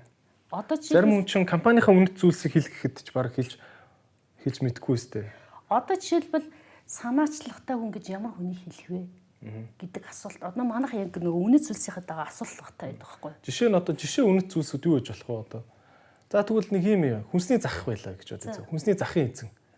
Хүнсний захынхаа одоо нэг менежерийг авах гэж байгаа шүү дээ. Тэнд одоо ямар үнэт зүйл байгаа юм жишээ? Хамгийн одоо чухал зүйл нь ёс зүйтэй байх байхгүй шудраг байна уу буюу. Гэтэл одоо тэгэл нөгөө араар нь тэ элдэн ханс юм хийгээл эсвэл өөртөө хувьдаа зарцуулаад тэ мөнгөө дансыг өөрийнхөө хувьдаа ингээл оруулаад ах юм бол тэр мундаг чадртай байгаад ямар нэмэр байгаа юм. Тийм учраас тэр байгууллага өөрөө эхлээд үнэт зүйлсээ гаргасан уу. Гэтэ тэр байгууллагын үнэт зүйлс ихэвчлэн дандаа тэр компани үүсгэн байгуулагчийн үнэт зүйлстэй саршгүй холбоотой 90% матч байдаг байхгүй. Тэгэхээр одоо өөрийн чинь хувьд компани байгууллаа гэвэл өөрийн чинь үнэт зүйлс танай байгууллагын үнэт зүйлс байх магадлал маш өндөртэй. Тэгэхээр жишээлбэл одоо тэр хүнсний одоо тий дэлгүүрийн одоо нэг менежерийг ингээ ажилд авахч байгаа бол тэр байгууллагын үнэт зүйлс тэр хүн байгаа юу гэдгийг мэдхийн тулд тэр байгууллага өөрөө үнэт зүйлсээ тодорхойлсон юм уу гэдэг байгаа байхгүй. За тэгэнгүүт нь одоо шудраг одоо ёс зүйтэй ч гэдэг юм уу те а тэгээд одоо багаар ажилтдаг гэдэг бол та багаар ажилтдаг гэдгийг юу гэж үзэж байгаа юм бэ? Танд багаар ажилласан жишээ байгаа юу? Тэ? санаачлагтай гэдэг бол санаачлагыг та юу томьёолж байгаа юм гээд манайхан бол одоо яг тэр асуултуудад айгүйх ундаг яад бол өөр өөрөөр ойлгоцсон байдаг. Санаачлаг гэдгийг хин энийг хэлснийг нь дагаж хийдэг хүмүүсийг хүртэл санаачлагтай гэдээ ойлгоцсон байдаг тий. Гэтэл шин санааг ажил хэрэг болохын тулд өөр өөр сэтгэдэг тэр одоо хандлагын шин санаа гэд хэлсэн хүн бол одоо бидэрт илүү яах вэ? ойрхон байна гэсэн. Тэнгүүт нь та амьдралдаа болон ажилдаа санаачлаг гаргасан хоёр жишээ дуртнуу гэдэг ячдаг Тэгэхээр бүр ингээд наан нь ингээд бичлсэн ярьцлага хийхээс өмнө гэрийн даалгавар аягүй сайн хийчих юм бол шигшигдээ шигшигдээд яг танаа байгуулгын соёл тохирох хүн одоо тохирох хүнийг олох магадлал 90% байна. Сайн хийж чадвал бүр 90% та онох нь шүү дээ тий. 90% та онно. Тэгэхээр саний энэ гурван яг практикл яг Монгол одоо хөрсөнд буусан ийм гурван аргыг манай компани удирдлагууд HR-ууд хэрэгжүүлээд үзэх юм бол тэгэл сайн үнэ болох Та тэгвэл хамт олонныхоо дундаас төрж байгаа залуу захирлуудад юу гэж хэлэх үү? Зөвлөх үү? Одоо жишээ нь ийм захирлууд идэг штэ. Яг ингээд үеийнхэнтэйгээ ингээд тав зургуулаа ингэж нэг компани анх анхны ажилтнаар ингээд тэ ингээд орцгоосон тэгж байгаад ингээд байгалийнхаа жамаар ингээд нэг өдөр менежерүүд болцгоодог. Тэгж байгаа гэхдээ нэг нь л дарга болдог шүү дээ. Тэ? Тэнгүүт ингээд яг үеийнхээ найзуудын гиг үн дарга нь болдог шүү дээ. Тэ? Ийм захирлуудад ямар асуудал тулгардیں۔ Аа та юу гэж одоо зөвлөх үү? энэ дээр бол нөгөө шууд эсэргүүцэлтэд тулгардаг. Энэ нөгөө бидэртэй ижил юм байсан чи одоо бидрийг даргалдаг хэн бэ гэж шууд эсэргүүцэлтэд тулгардаг. Тэгэхээр мань хүнийг одоо сэтгэл зүйн бэлтгэлийг бий болгоход нь коучлах хэрэгтэй захирал нь өөрөө. Аа тэгээд дээрэс нь сэтгэл зүйн бэлтгэлтэй болохоос гадна ийм эсэргүүцэл ирнэ. Чи энэ эсэргүүцлийг давахын тулд чи өөр хүлээцтэй байх хэрэгтэй шүү гэдэг захирал өөрөө бас юм коучлдаг сэтгэл зүйн бэлтгэлийг өгдөг. Тэгээд бас нөгөө менежментийн манлайлалын сургалтанд суулгачих хэрэгтэй. Яг манайхны алддаг алдаа чи хэлж байгаа байхгүй юу? Тэгэхээр хамгийн сайн ажилтнуудаа шууд томилоод тэгээд тэр хүнээ заа чи чамд хариуцлагатай ажил тавилаа шүү. Чи өөрөө суралцаад өөрөө энэ хүмүүсээ удирдаарай гэдэг. Гэтэл бодит амьдрал төр чинь тэр дотор чинь алаан болно шүү дээ. Тэ. Тэгээл хүлэн шүүрэгдэхгүй шүүрэгдэх юм хийх гээд байгаа байхгүй. Тэгэхээр тэр хүн ганцаараа дийлэхгүй шүү дээ. Хэрэг үнэхээр шоод гараад ирэх юм бол гараал ирнэ дийлэнхтэй дийлэгдэхгүй за болио үли ингэж одоо хараал хүртэж найзуудаасаа те салж ирсэн одоо үнсэн ажиллагаа хийгээд татгалздаг ч тийм тохиолдол байдаг. За миний хувьд бол хит хитийн компаниас нөө менежментийн зөвлөхөөр ажилладаг. Удирдах түвшний бас гол гол одоо хүмүүсийг бас ажилд авахт нь рекрутмент хийдэг байхгүй. Аа тэгээд ирэхээр тэр хүмүүст бол сэтгэл зүйн өгөхөөс гадна урдчилж бэлдээд тэгээд яг энэ нөхцөл байдалд ингээл одоо нөгөө хүмүүс нь ч юм уу баг юу гэдэг байхгүй юу? Энэ хүнтэй ч ажиллаж чадахгүй байна. Энэ хүн менеж хийж чадахгүй байна гэдэг тэр эсэргүүцэл ирнэ. Тэр үед нь шүү дээ. Шин захирлуудыг нөгөө өөрийгөө батлах боломж өгөхгүйгээр хүмүүс нь өшөө ингээ босоод ирдэг те. Одоо нөгөө улс төрт ч бас тэгдэг шүү дээ. Шин сайд гарлаа нөгөө сайд нь ажиллаа аваад сарч болоогүй байхад өстой юу ч хийж чадахгүй юм байна гэл ингээл бөөн хар PR явдаг адилхан мэт тий. Яг үнэ. Тэгэхээр нөгөө захирал хүн тэр шинээр менежер удирдахч болох ч байгаа хүнээ ойлгож тэр хүнийхээ тал зогсох хэрэгтэй. Тэгээ яг бол боломж олохгүй change management ч гэсэн тийш эхлээ эсэргүүцэлтэй тулгарн дараа нь хүлэн зөвшөөрн тий. Тэгээ дараа нь яг вэ гэхээр тэр хүнийг дагаж эхлэн дараа нь тэр хүнийг яг дагалдаж одоо удирдахчаа гэж хүлээн зөвшөөрөн ийм дөрвөн үе шат байгаа байхгүй. Тэгэхээр чи эхлээд ийм үе шаттай тулгарна шүү. Дараа нь ингэ шүү, тий шүүгээ сэтгэл зүйн бэлтгэлийг хийдэг. Тэгэхээр тэр хүн чинь босоод ирдэг байхгүй. Тэгээд яг хүлээн зөвшөөрөгдөх ажил хийгээд ирэхээр аяанда нөгөө хүмүүс чинь яг нөгөө эсрэг үүсчихсэн хүмүүс чинь нөгөө санаачлаг гаргаал тий хүлээцтэй хандаа. Манайхан бол манайхан шууд бэлтгэлгүй томилчт юм байна л да тий. Тэгээ шууд хаяа авчдаг тий. Тийм. Та цэнийг угаач. Ай за. Манай манай подкаст спонсортай. За. Тийм цэник гэдэг эрүүл мэндийн гоё тийм хончрын дархлаа сайжруулдаг бэлтгэл байгаа. За окей. Тэгвэл одоо жишээ нь за ингээ шин захирал ингээд залуу захирал одоо хамт олонныхаа дундаас ингээ гарч ирлээ те. Та сургалтанд хамруулах хэрэгтэй гэж чинь жишээ нь та ингээ хэлээч те. Одоо бяцхан одоо нэг юм үйлдвэр үйлдвэрийн шин дарга гарлаа шүү дээ те. За хүний нөөцийн ийм юмны санхүүгийн нэг юм та тоочч ийм ийм ийм сургалтуудад нэг явуунаа хүнээ явуулчаад тэгээд дараа нь дараагаар тавиарэ. Бол бөө хэрүүл болно шүү. Тэ? Тийм байна уу? Тийм байгаа. За яг дунд шатны удирдлагуудад юу байвал зүгрэхээр дунд шатны удирдах хүний эзэмших стуур чадрууд байхгүй юу? Ажил даалгах чадвар, хүмүүсийг сэтэлж үүдэх чадвар, тэ хөшүүргийн хуулийг ойлгодог, нөөцүүдийг удирддаг гэдэг ийм багц чадрууд байх хэрэгтэй. Тэгээд бас нөгөө сахилга батын арга хэмжээ авч чаддаг, шаардлагатай үед нь тэр хүнийг магтаж чаддаг, дооцын тааруулж чаддаг гэд. Энэ чадвар чинь мэдээж цогцороо суухгүй ч гэсэн нөгөө карьер төлөвлөгөөнд нь оруулаад өчүүлэх зүгээр байхгүй. Тэгээ мань хүн дээр нь assessment хийгээд судалгаа хийгээд ирэнгүүт нь за эдрэг идэг хүнд бол те ийм ийм удирдахч болоход ийм гурван чадвар нь байна. А энэ хоёр чадвар байна. Хүнд ажилд даалгаж чадахгүй байна. Одоо сахилга бат тогтоож чадахгүй байна гэдэг ийм хоёр сул тал гарлаа гэл. Яг энэ хоёрыг нь одоо хөгжүүлэх төлөвлөгөө өөрт нь гаргахжуулах зүгээр. Зөвхөн сургалтаар бас сурахгүй шүү дээ. Сургалт бол нэг л одоо яг аргачлал, хоёр дахь аргачлал нь ихээр аягүй сайн удирдгчийн дагалдан хийж те тэр удирдгчийнхаа удирдгчтай хамт байж иж тэр хүн яг суралцсан. А гуравдугаарт би та суралцах ажил аягүй сайн хэлүүл хэрэгтэй. Одоо жишээлбэл миний нэг хийдэг ажил бол номоор дамжуулж коучинг хийдэг байхгүй одоо би л нөө хувьчилсан коучинг хийхдээ хөвчлэн дандаа удирдах түвшний албан тушаалт юм уу SEO түвшинд гарч байгаа эсвэл болоод удаагүй байгаа томоохон компаниудын хоёрдугаар үеийг нь бэлдэж өгдөг байхгүй. Тэгэнгүүт нь за чи одоо CEO болоход яг ийм юм системийн сэтгэлийн ийм ном уншаараа тэгэрэ тэгэрэ гэд уншичаад чи өөртөө гурван одоо тий чухал өөртөө яг шингээх гурван take away point бичиж аваад ирээ. Тэгэнгүүт өөрийнхөө хүн ер нь хайж байгаа юм олдог байхгүй? Тэ? Системийн сэтгэлгээ гингүүт аа би байгууллага дээр систем нэвтрүүлэх хэрэгтэй юм байна. Би системийн сэтгэлгээ дутуу байснаа олж харлаа. Системийн сэтгэлгээ хийн гэдэг чинь тэ нөгөө системчлэгийн тулд бүх нөөцүүдэд удирдах хэрэгтэй юм байна гэдгийг олж харлаа гэд тэр хүн өөрийнхөө асуудлыг шийдлийг өөрөө олно. Гол нь яг уу сайн көөшлөх замаар тэр хүнийг мундаг удирдахч болоход бэлдэх хэрэгтэй. Тийм ээ. Ном уншуулчаад гурван сурсан гол юм а бичээд ирээрэй гэдэг чинь бас их ухаантай шүү дээ. Зүгээр уншгээ шийдчихгүй те. Ч өөр бас тэгдэг те. Наад юу уншаараа гэж хайчдаг. Гэхдээ нөгөө уншсан юм уу, тэрнээс ойлгосон юм уу, дараа нь юм ярилцах эргэн холбоо байхгүй хайчдаг те. Ихэнх захирлууд. Тий. Тий. Тэг үнийг хэлэхэд би ч гэсэн тийм. Тэгээ одоо манай манай офис дээр маш том номын сан байгаа. Нэг хан тэр чигээр ингээд ном. Тэгэл яг үнийг хэлэхэд бол би тийм байхгүй. Маха тэр гой ном байл шүү уншаарай ингэцдэг. Одоо л би танаас сурч ин л да. Наанаас сурсан юм ин юу бичээд аваад ирэх хэвээр байна гэд те ойлгож байна. Одоо жишээлбэл би өөрийнхөө компани дэд сахирлыг коучлж байгаа байхгүй. Тэгээд 2-7 хоног болгоо нэг цагийг зориулж штэ тэр хүн би хөрөнгө оруулалт хийж байгаа байхгүй. Мундаг одоо дэд сахирл болоход нь туслаад штэ.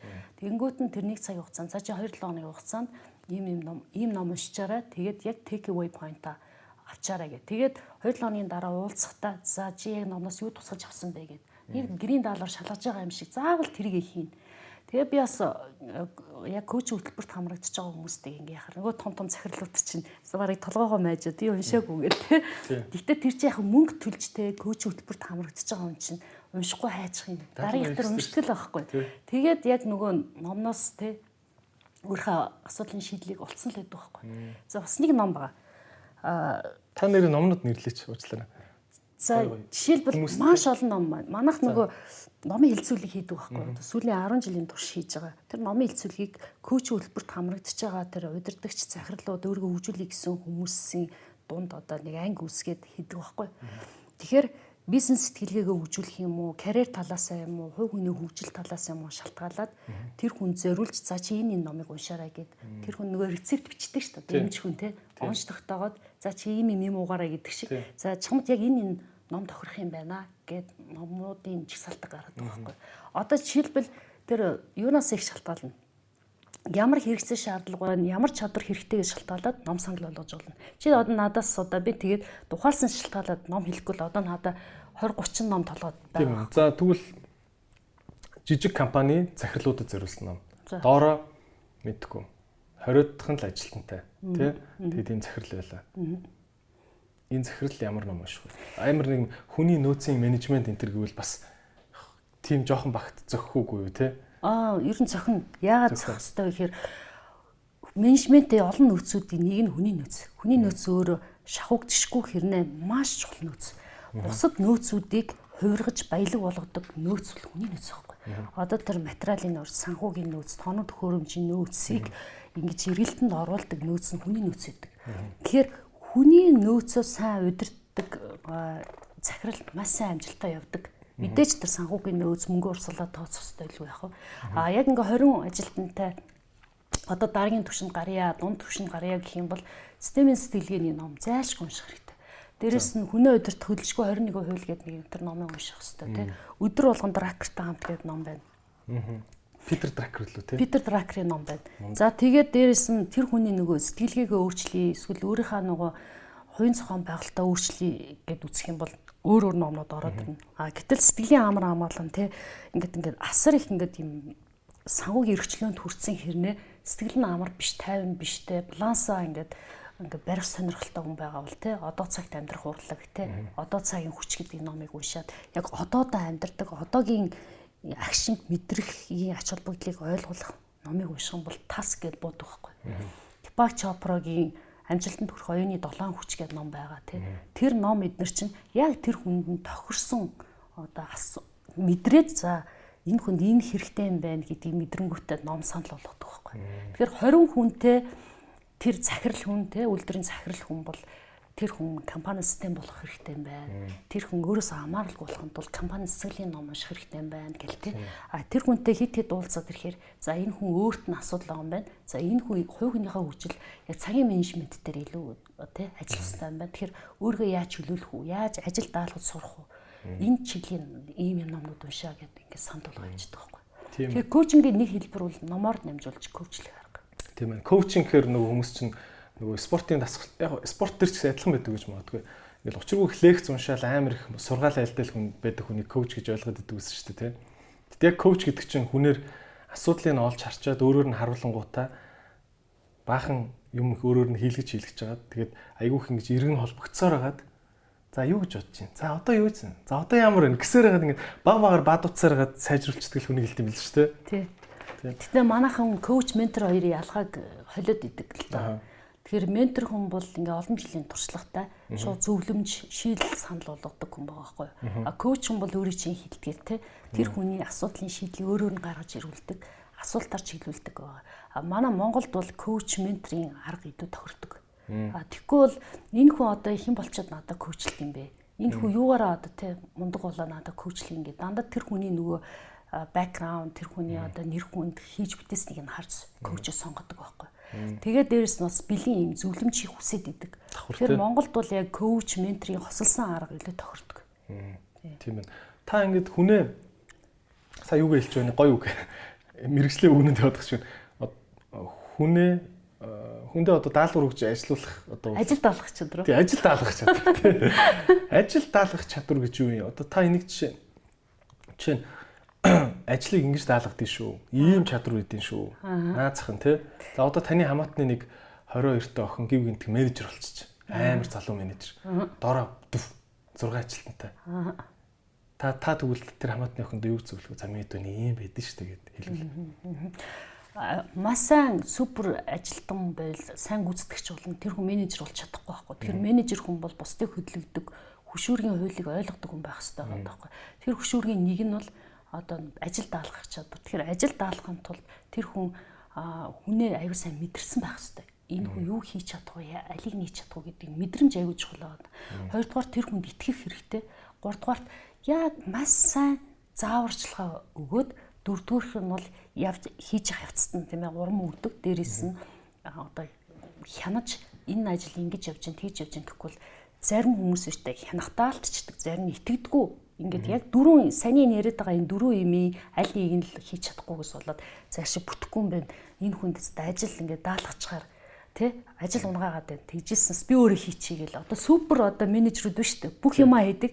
Гэтэл доороо байгаа ажилтнуудаа хөгжих боломж өгдөг тий хөгжих боломж олгодоггүй тэгээд яг хуу тэр хүнд мундан мундан удирдахчид байдаг л да. Тэгээ хүчгүй байгаа шалтгаан бас өөрт нь байдаг. Тэгээ хараад үзэхээр мань хүн одоо тэр хүний мэдраагүйгээс болоод шаал буруу даалгавар өгсөн. Одоо чамд бол мундаг бичгийн чадвар байсан байж болно те. Тэнгүүт нь тэр бичгийн чадрыг чи олж харахгүйгээр шаал хөндлөн даалгавар өгсөн чинь мэддэггүй. Тэнгүүт нөгөөтг чинь өөрт чинь тэр ажил зовлон болж хувирна шүү дээ. Гэтэл маш сайн одоо те пропозал бичих тийм чадвартай чадвартай байж итл тэрийг мэдрэхгүй өөр даалгавар өгчдөг бол тэгээд мэдрэмж дутуу байна. Тэгээд тэр ажлыг даалгахад үр дүн айгүй муу байна. Тэр нэг дөрөв юм байгаа мэдрэмж чухал байгаа даа тий. Тэгээд тэр хүнд итгэн чаднаа гэд. Тэгээд алдаа гаргах боломжийг олгоно гэдэг. Алдааг хүлцээ. 80% оноод 20% алдах уу? Харьцаа хэрнэ. Ер нь тэгээд ямар ажлыг даалгадаг вэ гэхээр өөрөө мэдээж хариуцлага хүлээн. А гэхдээ энэ хүнийг хөгжүүлээ, энэ чадандаа гэсэн үндэ өгчөж байгаа учраас ер нь хариуцлагыг хамтдаа л хүлээдэг байхгүй. Гэтэл би чамд энийг өгөөд хаа чи чадсангүйгээ буруудах юм бол нөгөө хүн ч аягүй амархан сэтгэлээр унцдаг. Тэгэхээр босгож ирдэг тийм чадвартай байх юм бол ажил даалгах чадвар бол маш чухал. Энд чинь аягүй том хөшүүрэг байхгүй. Одоо за би тэгвэл нэг менежертэй том ажил даалгах чи. За. Төсвийг гаргаж өгөөд. За одоо юу гэдэг чинь тэнд болж байгаа экспо дээр компанийнхаа пүткийг бариад та баахан юм зараад будаа олго. За гэв гэдгсэн чи яасан чинь тэнцээ нутсан салцсан байсан. Ингээд ингээд манайх буруу байралд ороод багны ард ороод хүн баг ирээгүй ирсэн хүмүүс нь манай ажилчид сэтгэл гаргаагүй би ганцаараа л зовсон гэл нэг зовлон тоочол ороод шүү дээ. Нэг менежер те. Тэг тэг. Тийм. Тэнгүүд одоо чинь ингээ улаан цайм ингээд мяа ажилтсан менежертрийг одоо яах юм? Оо харин тийм ээ бит хоёрын л буруу гэж суух юм уу? Тим үнтэй одоо яаж харьцах юм? Тэгээ яг энд нэг юу гарч ирж байгаа галдаанд Чи яг юу хүсэж байгаагаа хэлээгүй. Зүгээр нэг үр дүнгийн хүсэд орхицсан мааз тий тийм зохион байгуулалт орхицсан мааз тэр зохион байгуулах процесс нь чеклистээр илэрдэг байхгүй. Тэгэхээр чи юу гэж хэлж болох вэ гэхээр тэр менежертэй энэ ажлыг хийхтэй холбогдуулаад чи нэг чеклист гаргаад аваад ирдэг Тэнгүүт нь 1-р тийг нь 2 3 4-р тийг нь те эхний 7 хоногт ийм юм хийн гингүүт нь чи тэрийг харж байгаа дүүрхэ саналыг хэлээд сайн байна. За ийм ийм 2 3 ажил юмчих гээд чеклистийнхаа дагуу явна гэсэн үг байхгүй. А гэтэл нөгөө хүн шиг хоол хийгээд ирээрээ гэсэн чинь нөгөөх нь яг өөрийн чинь те хүсэнд хүрэхгүй болохоор гап үүсэт дээ те завсар. Тэгэхээр бидний хаана алдаад байна гэж яг үйл явцад нь алдаад байдаг байхгүй. Тэгэхээр үйл явцыг нь буюу яг хийх ажлын дарааллыг нь гаргаж өгөх нь туслаад өгөх юм бол тэр хүн чинь яг дарааллынхаа дагуу хийж эхэлнэ. Тэгээд тэр хүн чинь урд нь ингээд юм хариуцлагатай ажил авч байгаагүй бол сандрна, өөртөө итгэлгүй байна. Тэ нөө шийдвэр гаргах чадвар дутагдана тэ. Тэгэл чи өстө хилээд тахад ийм хариуцлагатай ажил өгөөд тахад гэхэд асуудлын гол нь тэр хүндээ биш удирдахч өөрт нь болж тараад байгаа байхгүй. Тэгэхээр яг энэ дээр бол чи яг одоо яг энэ ажлыг хийхин тулд ямар ажил төлөвлөж гэн бичээд ирээчээл гэд хэлчих. Тэнгүүт нь чагсаалт гаргаад ирэнгүүт нь за чи энэ энэнийг нэмчихээрэй гэд сайн сайн байна болж байна. За энэ чеклистийнхаа дагуу хийчихэд нэг одоо хэрүү сарын одоо ажил хэлэг бол 7 хоног болгон чи ямар явцтай надад нэг хэлчээрэй. Гэтэ тэгээ би чам туслах юм байвал надад хэлээрэй ч гэдэг юм уу. Ингиж эргэх холбоо үүсэхээ мартчихдаг. Тэгээ сарын дараа тэр хүнд бүтэн итгээд сарын дараа атсан чи арайчдээ чи ажил унгаачлаа шүү. Итгээд яаж явах чи өстө чацах цагтлаа тэгэл. Тим ирүүл байн голдог те. Тийм тийм. Тэгээд яадаг вэхээр захирлууд би итгэсэн энэ хүн өстө хийж чадаагүйгээд асуудлын гол нь тэр хүндээ биш өөрт нь байгаа байхгүй. Тэгэхээр бид нар яаж ингэхээр делегашн хийх буюу ажил даалгахтаа яг технологийн дагуу хийчих хийчих. Хүн хийдэг л байхгүй. Хийх хийхдээ бүр өөрөөс чинь сайн хийнэ. Тийм ээ. За тэгвэл одоо энэ захирал менежер хоёрын хоорондын харилцааг хоёлаа ярьж байна тий.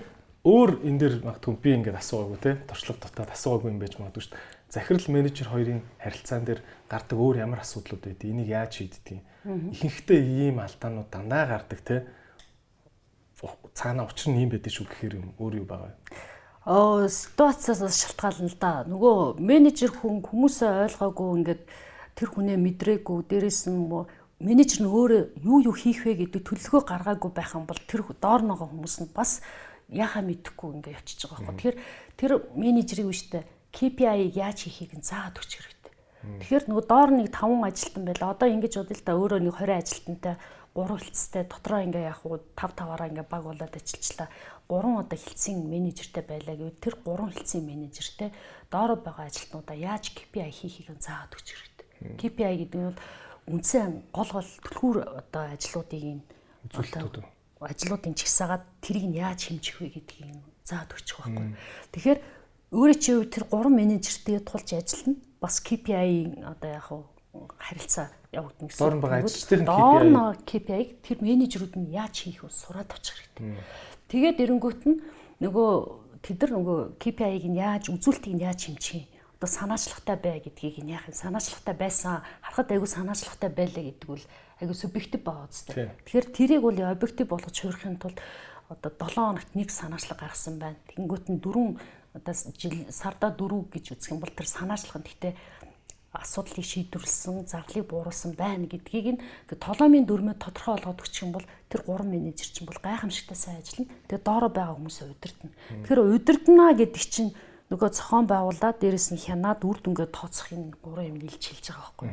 Тэгэхээр энэ бүхэн чинь цаашаа яаж задрах вэ гэхээр бүр таны тэр доор байгаа одоо тэр гурван менежер тэр доор байгаа тэрүүн фронттой ажиллаж байгаа хүмүүс хүртэл бүтээмжтэй ажиллах тэр боломжийг нь олохын тулд чи гурван менежер аюу сайн тренинг хийж тэр гургаа коучлах гэсэн үг байна. Тэгээд тэр гурав юу хийхээ мэддэг, яаж ажилтнаа хэмждгээ мэдчих юм бол за тэгээд цаашаа яг тэр юугаар явчих штт зарчмаараа. Тийм ээ. Тий. Одоо ч сүүлийн үед бол захирал хүн болвол коуч хүн байх ёстой гэдэг юм яриад байгаа шүү дээ. Ажилчдынхаа өөрөх нь баг коуч нь тий. Гэхдээ ментортай андуураад байна гэдэг байгаа тий. Тийм ээ. А та тэрийн хөшүүргийн хууль гэдэг үг ганц хоёр хэллээ. Яг юу юм хөшүүргийн хууль гэж? Хөшүүрэг гэдэг чинь одоо жижиг хүчээр их зүйлийг өрхийг хилдэг дээ тий. Надад тулгцсан өгч би дэлхийг өргөе гэж хэлсэн байдаг дээ. Тэгэхээр түүний цаана юу гэхээр хөшүүрэг. Тэр хөшүүргийн хууль гэдэг бол ерөөсөө бизнесмен хүн, удирдагч хүний зайлшгүй эзэмших зэвсэг байгаа. Тэгэхээр хөшүүрэг гэдэг бол баг хүчээр их зүйлийг хийх тэр ухаан баггүй. Тэгэхээр нөгөө хард working биш smart working гэдэг шиг тий. Ухаалаг ажиллах тэр ур чадвар суралцыг ивэл хөшүүргийг ашиглаж сурах хэрэгтэй гэдэг. Тэгэхээр энэ хөшүүргийг ашиглаж сурах юм бол юу гэхээр цаг хугацаа байна тийм үү? Цаг хугацаа, мэдлэг одоо бусад хүмүүсийн ур чадвар гээд бүгдээрээ бид нэр яг сайн удирдах чадчих байгаа бол тэр чинь хөшүүргийн хуулийг ашиглаж яана л гэсэн үг байхгүй. Одоо тэр мөнгө төгрөг зээл чинь бас санхүүгийн хөшүүрэг тийм үү? Яаж чадварлаг хүмүүсийг ажилд аваад байгаа. Тэр хүмүүсийн мэдлэг, нөө хаа, ур чадвар чинь өөрөө асар том хөшүүрэг байхгүй. Тэгэхээр одоо CEO хүн бол тэр хөшүүргийн хуулийг номер 1 яг эзэмсэн байх хэрэгтэй байдаг. Тэгээд мотивац хүмүүсийг сэтэлжүүлэх, ажил даалгах чадвар чинь бас энэ чинь хайж ин хөшөр үзтэй. Гэтэл өөрөө супер ажиллаад идэг бусад хүмүүс нь хүмүүсээ чи хөшөөрөгдөж чадахгүй бол тэр хүмүүсийг удирдахч гэж хэлж чадахгүй шүү тэр хүмүүсийг. Тийм ээ. Жишээ гаргуул юу юм? Одоо жишээ за нэг юм их хөшөөрөгдсөн жишээ хэлээ ярил л да тий. Одоо ингээд нэг хүн шүү дээ тий. Нэг ажилтан маш их бүтээмжтэй ажиллаж чаддаг. Тэгтээ ингээд ингээд юм ерөөсө бүтээмжгүй ажиллаад идэг хүн амьдрал дээр байдаг үстэй. Сэтгэл санаагаар унтсан гэр бүлийнхаа хүнтэй ч юм уу, унжицсан ч юм уу сэтгэл нэм байдаг. Тэгээ бүр нөгөө ажил дээрээ гэрийнхаа тэр асуудлыг бодоол ах юм бол бүтээмж авахгүй ш төвлөрч чадахгүй.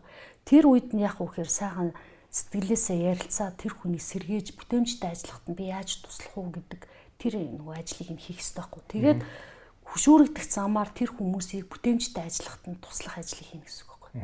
Тэгэхээр Хөшөөр гэдэг бол маш олон юм дээр хэрэглэгдэж болно. За өөр нэг жишээ бол алсын хаараа. Тэр байгууллагын алсын хаараа бид бид нар тэр цэгт очиж шүү. Замдаа бид нар те унаж тулсан ч гэсэн хамтдаа дээшээ гарна шүү гэдэг тийм одоо хурал болгон дээр хилдэг алсын хараагаа тийм ээ байнга сануулна гэдэг бол аюу том хөшүүрэг байхгүй.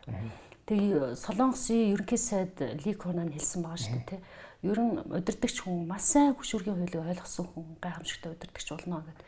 Тэгэхээр тэр хүний нөө амьдралын түүх бол ерөөсөө тэр өөрийн ихтгэл үнэмшлээ бусад хүмүүстэй ойлгуулад нэгэн цул болоод тэр зорилгынхаа төлөө Сингапурыг хөгжилтэй улс орн болгоход бид нар одоо тий золиослыг ч гаргаж чадна тий хувь нэмрээч оруулахад бэлэн байх хэрэгтэй гэдэг сэтгэл зүйг нь бэлдэж өгсөн байхгүй.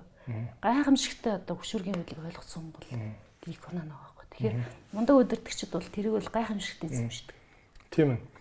За тэгвэл нэг одоо яг наад наадахтай ч бас холбоотой зүйлтэй нэг юм юм байдаг те нөгөө хөрх нэг хоньны бор гэдэг шиг хониндоо сайн явдаг мориороо яг л хонинд явуулаа л гэдэг те. Тэгсэн чинь тэр нь амар авьяастай хурдны морины потенциалтай ч байсан билүү те. Нэг байгууллагт надад зүр юм ажиглагтаад байдаг байхгүй нэг юм чаддаг нэг хүн дээрээ улам их ачаа өгөөл гэдэг нөгөө хүний бүр ингэ тесэртэл нь ачаа өгдөг а гэтэл нөгөөдүүл нь хажууд нь ингээл бэлчээл орж гараал те ажил багтай. Тэгээд наач угаас өгөөж чадахгүй гэл ингээл. Ингээд ийм тэгш бус байдал баг зэрэг үүсдэг юм шиг. Энийний эсрэг одоо юу хийдэм бэ? Одоо энэ эсрэг чинь нөгөө талант менежмент гэдэг бодлого хэрэгжиж тэ. Тэгэхээр талант менежмент гэдэг нь хүн болгонд авьяас байгаа, бурхнаас өгсөн авьяас чадвар байгаа, тэрийг нээх ажиллагаа шүү дээ тэ. Гэтэл нөгөө тэр сэлгүүцээд байгаа эсвэл бүтээмжгүй гэж ажил харагдаад байгаа хүмүүсийг бид нар өөрсдөө таньж мэдэж тэр нөгөө дотор нь байгаа алмазыг гэрэлтүүлж чадахгүй нь л гэсэн үг байхгүй юу. Тэгэхээр л удирдгчийн өөрийнх нь одоо чадраас шалтгаална гэсэн. Тэгэхээр нөгөө одоо ингээд томоохон компаниуд яг хүний нөөц бол шавдшгүй нөөцгөө ойлгоцсон тэр хүмүүсийг одоо доторх тэр даймонтын гэрэлтүүлэх ажлыг энэ хийж чаддаг учраас томроод байгаа байхгүй. Тэгээ бүхэл бүтэн талантыг хилцэж ажиллаад шүү дээ. Тэгэхээр яг саний энэ нөхцөл байдалд бол а одоо тэр бүтээмжгүй гэж харагдаад байгаа нэг хүнээс хэд хамааралтай тэр хүн л ажлын нугалдаг байлаг бол бусад хүмүүсийг айгүй сайн ойлгож мэдэж таних ажиллагаа их зүгээр. Гэтэл нэг хүн өстө гайхамшигтай борлуулагч байсан заяа. Гэтэл ингээл компьютерээр хар суугаал код бичих хэрэгтэй гэл дургүй ажлыг хийлгэсэн байдаг. Цаад мөн чанар уг нь бол компьютерийн ангийг төгссөн. Тэгэхдээ маш мундаг борлуулагч тэр нь бүр ингээд байглаасаа заягдсан авиасыг нь удирдахч мэдэхгүй. Нөгөө хүн ч гэсэн за би бол нөгөө мэрэгчлэрээ ажиллах хэрэгтэйгээ ботцсон. А гэтэл нөгөө талант менежер буюу одоо том компанид бол талант менежер гэдэг алтан тушаал байдаг. А жижиг компанийн үед бол захирал нь өөрөө талант менежер байх хэрэгтэй байхгүй. Тэгээд тэр хүнтэйгээ ярилцаад мэдрээд янз янзын одоо сорьсон тэг ур чадрын сорьсон ажлууд ингээд өгөх хэрэгтэй. Тэр хүн дотроос оргилдог байхгүй. Тэгээд дотроос оргилох юм нэг хийгээд ирэх юм бол ингээл томроол те тэр хүний асар хэрчгүүч нөгөө тэр дотоод ирчгүүч нь гарч ирээлс юу ч хийхэд бэлэн ийм болж эхэлдэг байхгүй. Просто тэр ингээд чагссан. Тийм ажлыг хийчих юм бол зөв хүнээ зөв газар нь байрлуул чадчихна л гэсэн үг байхгүй.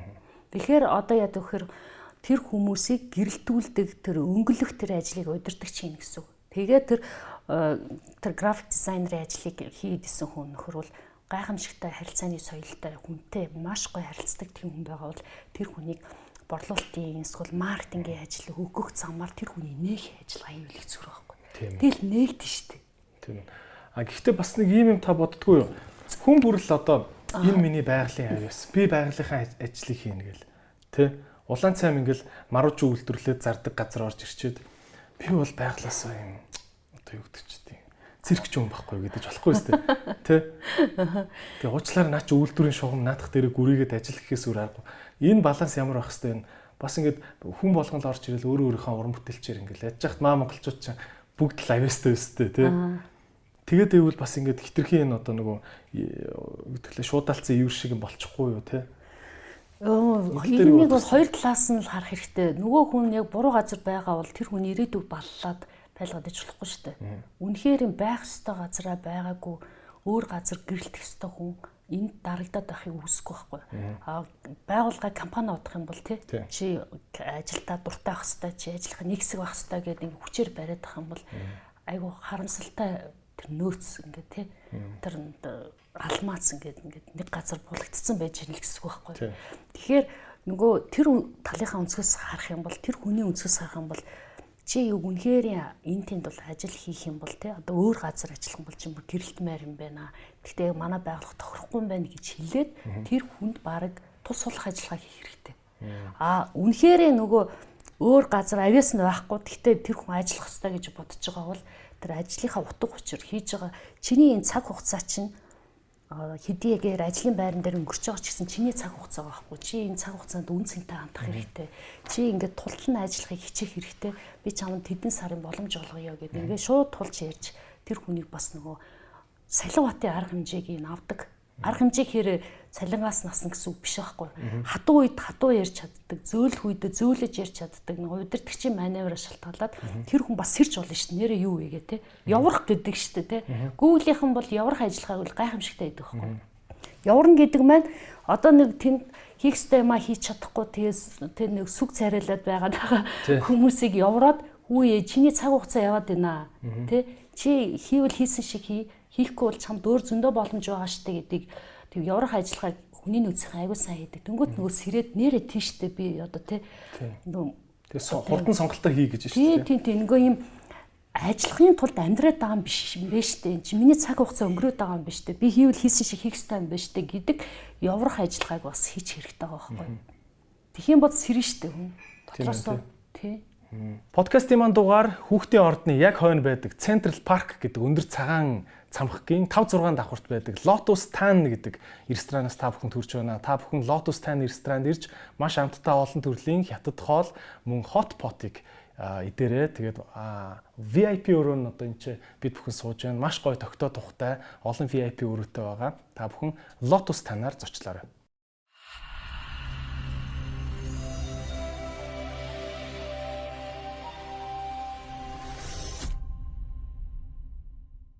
Подкастын спонсор дархлаа сайжруулах бэлтгэл Цэник. За Цэник гэдэг бүтээгдэхүүн нь бол одоо энэ ковидтой бүгдээрээ дархлаагаа маш өндөр бэлэн байдалтай байлгах шаардлагатай энэ үед хамгийн чухал бүтээгдэхүүнүүдийн нэг байгаа. За тэгээд дорны ангаах ухааны гайхамшигт ургамлуудын нэг болох хунчир гэдэг ургамлын ийм хандыг таны цүнхэндээ аваад явж байхад жифтийнхэн савлгаатай болгоод хүргэж байгаа. За цэник бүтээгдэхүүнийг та бүхэн өдөрт нэгийг 30 өдөр дараалж хэрэглээд курс маягаар хэрэгжилж болно. А энэ нь эмийн бүтээгдэхүүн биш учраас та бүхэн ямар ч одоо эмчилгээнийхээ үед дархлаагаа сайжруулах зорилгоор нэмэлт бүтээгдэхүүн болгоод хэрэгжилж болно. За тэгээд бие эсэргүүцэл сайжруулна, ажлын эрч хүчийг нэмнэ, таны бие сүлдэд байвал цэник гэдэг бүтээгдэхүүнийг хэрэглээрэй. Гандуулрагчээ энэ хүний нөөцийн бодлого энэ төр гэл нэг үг гэдэг штеп. Компани болгон хүний нөөцийн бодлоготой байх хэрэгтэй энэ төр гэл. Тэр нь яа гэдэг юм 5 хуудас цаас байд юм уу? Одоо энэ том групп компаниуд яадаг хүний нөөцийн бодлого гэхэр цаана ямар юм бэ те? Одоо яг үнэглэхэд одоо за манай Hippocards компани гэхэд нэг хүний нөөцийн бодлого маань энэ гэдэг ингээд бичсэн юм бол яг үндэ байхгүй. Тэгэхээр ийм жижиг компаниуд ч гэсэн ингээд тийм юм хийх ёстой мó ядаж нэг цаас байх ёстой мó юу гэдэм бэ? Хүний нөөцийн бодлого бол нөгөө зоригтойгоор төлөвлөсөн үйл ажиллагааны нэг цогцоглоод байгаа байхгүй. Тэгэхээр хүний нөөцийн бодлого хаанаас гардаг вэ гэхээр танай байгууллагын стратеги төлөвлөгөөн дээр нислэж гарна. Одоо танах одоо 3 жилийн хугацаанд одоо тий Азтай гарна ч гэдэг юм уу одоо ингээд үндэсний хэмжээний компани болно гэж төлөвлөж юм бол тэр төлөвлөгөөнд хүрэхийн тулд хүний нөөцийн бодлого чинь тэргийг дэмжиж боловсруулагдана гэсэн үг. Тэгэхээр хүний нөөцийн бодлого дотор чинь нөгөө хүний нөөцийн стратеги ороод ирж байгаа байхгүй. Тэгэхээр бодлого гэдэг бол бид нар яг ийм жинжин шугамыг баримтлана. Хамгийн чадварлаг хүмүүсийг бүрдүүлнэ ч гэдэг юм уу. Эсвэл бид нар яастай гэхээр дотоод одоо ажилтнуудаа карьер хөгжих боломжийг олгоно Эсвэл шин шин одоо тий шин цусуудыг сэлбэлсэн талантуудаар илүү түшиглэнэ гэдэг юм чинь танаа байгуулгын стратеги төлөвөн дээр харагдчихэдэг байхгүй. Тэрийг бичих хэвээр юу? Эсвэл зүгээр захирлууд хоорондоо ярьчих хэвээр юм. Ер нь баг нэг хавтгаа дээр гарахчтэй. Аа тэгвэл тэр хүний нөөцийн бодлого дээр маш чухал юм нь төдийгөөс үдэг хүртэл та нар хүний нөөцтэй яаж анхаарч ирсэн бэ гэдгийг гаргаж ирэх хэрэгтэй. Тэрний юу гэхээр танахгүй өстө нэрэ технологиор зовд чинь те хүн нэг чухал биш гэж бодож байгаа байгууллагын хүний нөөцийн бодлого ондоо гарна. Гэтэл бид нар урт хугацаанд 40 50 жилийн компани бий болохын тулд те дотоод тосоо чадварлаг хүмүүсээ бий болгоно те ингэж ингэж явна хүмүүс аз жаргалтай те ажилтан болгож хувирахын тулд ингэж ажиллана ажиллана гэдэг юм ингээд тэр стратеги төлөвлөгөнд оруулчихаар тэр стратеги төлөвийг дэмжиж хүний нөөцийн бодлого нь араас нь бичигддэг. Тэгээ зарим байгууллагууд тэр бодлого гэхээр нэг 40 50 хуудас тэгээ тэр нь ерөөс амьдрал дээр хэрэгжихгүй бол тэг хүмүүстэй аа хүний нөөцийн бодлого гал юм байдیں۔ хэрэгжтгүүл юм байл шүү дээ. Тэрийг биш тэг бодит дээр наалдуулахын тулд нэг хавтгаадаар буулгачвал их зүрээд. Тэгэхээр хүний нөөцийн бодлогот бол байгууллагын философи хүний нөөцийн философи буюу төдийгөөс үдийг хүртэл ямар философоор явж исэн бэ гэдгийг гаргахчвал их зүрээд. Жишээлбэл нэг 10 гаруй жил үйл ажиллагаа явуулж байгаа. Тий доктортой өсөл тавьчирдаг нэг компани байхгүй Тэднийх бол ерөөсөө ямар тактик хэрэглээ яваад исэн бэ гэхээр тэр байгууллагын хувьд бол ерөөсөө гаднаас хүн авахгүй. Маш үнэнч ажиллаа гэсэн сэтгэлтэй хүмүүсийг бүрдүүлсэн. Дотроосоо дандаа нөгөө сонгон шалралт хийж удирдахч бэлтгэдэг тийм араар авсан байгаа байхгүй. Тэгэхээр тэдний философи юу гэхээр ийм хурдтай хөгжил биш. Доктортой мөнгө урсгалыг болгодог, доктортой үйл ажиллагаар хангадаг, ажил нөгөө ажиллаа гэсэн сэтгэлтэй гэр бүлсийн хамт олныг бий болгох тийм философи баримлал явцсан байхгүй. Тэнгүүд ирээдүйдээ яах юм бэ? Тэнгүүд ирээдүйдээ бид нар одоо те огцом хөгжиж томруулна гэх юм бол бэлэн чадвартай хүмүүсийг авах юм тулд гаднаас талант менежмент хэд хандагаар хүмүүс авна. Гэт нөгөө ирээдүйд байрах стратегийг гараад ирдэг байхгүй. Тэгэхээр стратеги нь гараад ирэнгүүт нь бэлэн болоод ирэнгүүт нь за одоо толомынхаа дүрмээ тодорхой болгоё гэд нөгөө таван төлс гэдэг байгаа ямиг тодорхойлцсон байвал их зүгээр дээ. За. Нэгдүгээр хний сонгон шалралт ямар хүнийг босгороо алхуулах юм бэ? гэдгийг шийдчих хэрэгтэй. Хоёрдугаарх нь ороод ирсэн хүмүүсээ яаж байгууллагынхаа соёл болох юм бэ гэдэг тасан цогц хөтөлбөр гэж ярьдаг. Байгууллагынхаа соёлд соёлын нэг хэсэг болох ажиллагааг ингэж хийн. Тэгээ янз янз активити зохион байгуулгын шинэ ажилтнаа сайхан CEO нэг өдөр хоолнд авч урч тий welcome гэдэг тий үгийг хэлнэ. Тэгээ яхан тим тим ажиллагаа хийн гэн. Тэгээ 3 дугаарх нь юу гэхээр ороод ирсэн хүмүүсээ нөгөө суралт хөгжлөөр нь хангаж хэрэгтэй дутуу сургалтуудыг энэ өгөх замаар эсвэл ирээдүйд одоо технологийн компани болно. Ингэнгүүт нь дата шинжилгээ хийдэг тим чадрыг бүх хүмүүстээ суулгана ч гэдэг юм уу. Суралт хөгжлийн бас бодлого гаргачаад tools гэж ирдэг шүү дээ. Багж хэрэгсэл واخгүй. Тэгээ дөрөвдүгээр нь юу гэхээр KPI буюу ажлын гүйцэтгэлийн яаж үнэлэх юм. Тэр хүмүүст маш их одоо ихтгэл өмшил төрүүлдэг. Хэрвээ KPI байхгүй муу шударгаар үнэлэхгүй бол за эдний худлаа. Одоо тий эсвэл найзуудаа ч юм уу? Одоо одоо өөрийнхөө нутгийн хүмүүсээ л одоо тийм ээ илүүд үздэг. Шудраг үнэлтгүүгээ гаргавчдаг байхгүй. Тийм учраас ажлын гүйцэтгэлийг шударгаар үнэлдэг системийг яаж хийх вэ гэдэг аргачлаа гаргаад тавдугаарх нь нөгөө цалин урамшуул ямар үед босоо тогтолцоо явах юм ямар үед төвтэй тогтолцоо явах юм яах юм бол нэмэх юм? Яах юм бол одоо өсөлт хөгжил тавчрах юм гэдэг бүх тоглоомын дүрмийн тодорхой болоод ирэх юм бол ерөөсөө нөгөө одоо биеийн тамирын багт ч одоо яадаг вүлээ сагсан бөмбөг одоо хөл бөмбөгт чинь толомын дүрмийн тодорхой болоод тэгэхээр нөгөө хүмүүс чинь тоглоод те явдаг штэ. Тэгэхээр хүний нөөцийн бодлого гэдэг нь ерөөсөө толомын дүрмийг нь тодорхой болгох л ажиллагаа байхгүй. Тэгээ энэ таван юм чи яг ингээ мужаан хүн маш сайн багж хэрэгсэлтэй байжж гайхамшигтай бүтээл гаргадаг шиг а тэр хүний нөөцийн тэр таван төрсийг нь зохиогоод багж хэрэгслийг нь тодорхой болгоод за маа гэж дэлгээ тавьчих юм бол утгаараа хүмүүс чи өстой чаддаг юм а бүгдийг юм гаргадаг байхгүй. Тийм шүү дээ. Шудраг орчинд юм сайн хөгждөг тий. Тэгвэл яах юм нь ингэн ингэн гэл тоглоомын дүрмээ тодорхойлгоч. Цалин нэмэх тал дээр ер нь ихэнх компаниуд нөгөө яг уу ялангуяа нөгөө залуу компаниуд айгүй бага цалингаар хүмүүсээ эхэлж авдаг тий. Тэгээд компани жоох орлого олоод ирэхээр өстой яарвчлан хүмүүсийн цалин багаар нэмж эхэлдэг тий. Тэгсээр гад миний бодлоор хүмүүс нэг юм оо жил болгон цалин нэмэгдэх ёстой гэдэг нэг юм. Ойлголт хүлээлт үүсчтэй юм шиг санагдаад байгаа байхгүй. Одоо жишээ нь том одоо чинь за Монголын төмөр зам бол амар боломж. За 10 жил ажилласан бол тийм ийм албан тушаалтай бол тийм. Цалин өөрчлөлт өөрчлөлтгүй хамаагүй маа байгууллага явдгаар явна. Ийм бааварта том компаниуд. Ийм биш үү. А жижиг компаниуд болохоор нэг хүнээ торгохын тулд за цалин гэж яг ста шинжилгээр гоё нэмнэ. Компани ойгоор нэмнэ. За чи ингэчүүл ста нэг ахлах болгоод нэмнэ гэл ингээл ингэ явдаг шүү дээ. Аа ийм ингээд нэгэнт ингээд 2 3 жил дараалал цалингаа багаар нэмээ явцсан компаниуд цаашдаа яах вэ? Одоо одоо энэс цаашаа нэг нэмэгдэхгүй шүү гэдгийг хэлэхээр ингээд нэг захирал худлаа ирсэн юм шиг болох гоо. Тэ нэг юм эвгүй байдалд ордог шүү дээ. Ийм үед яах вэ?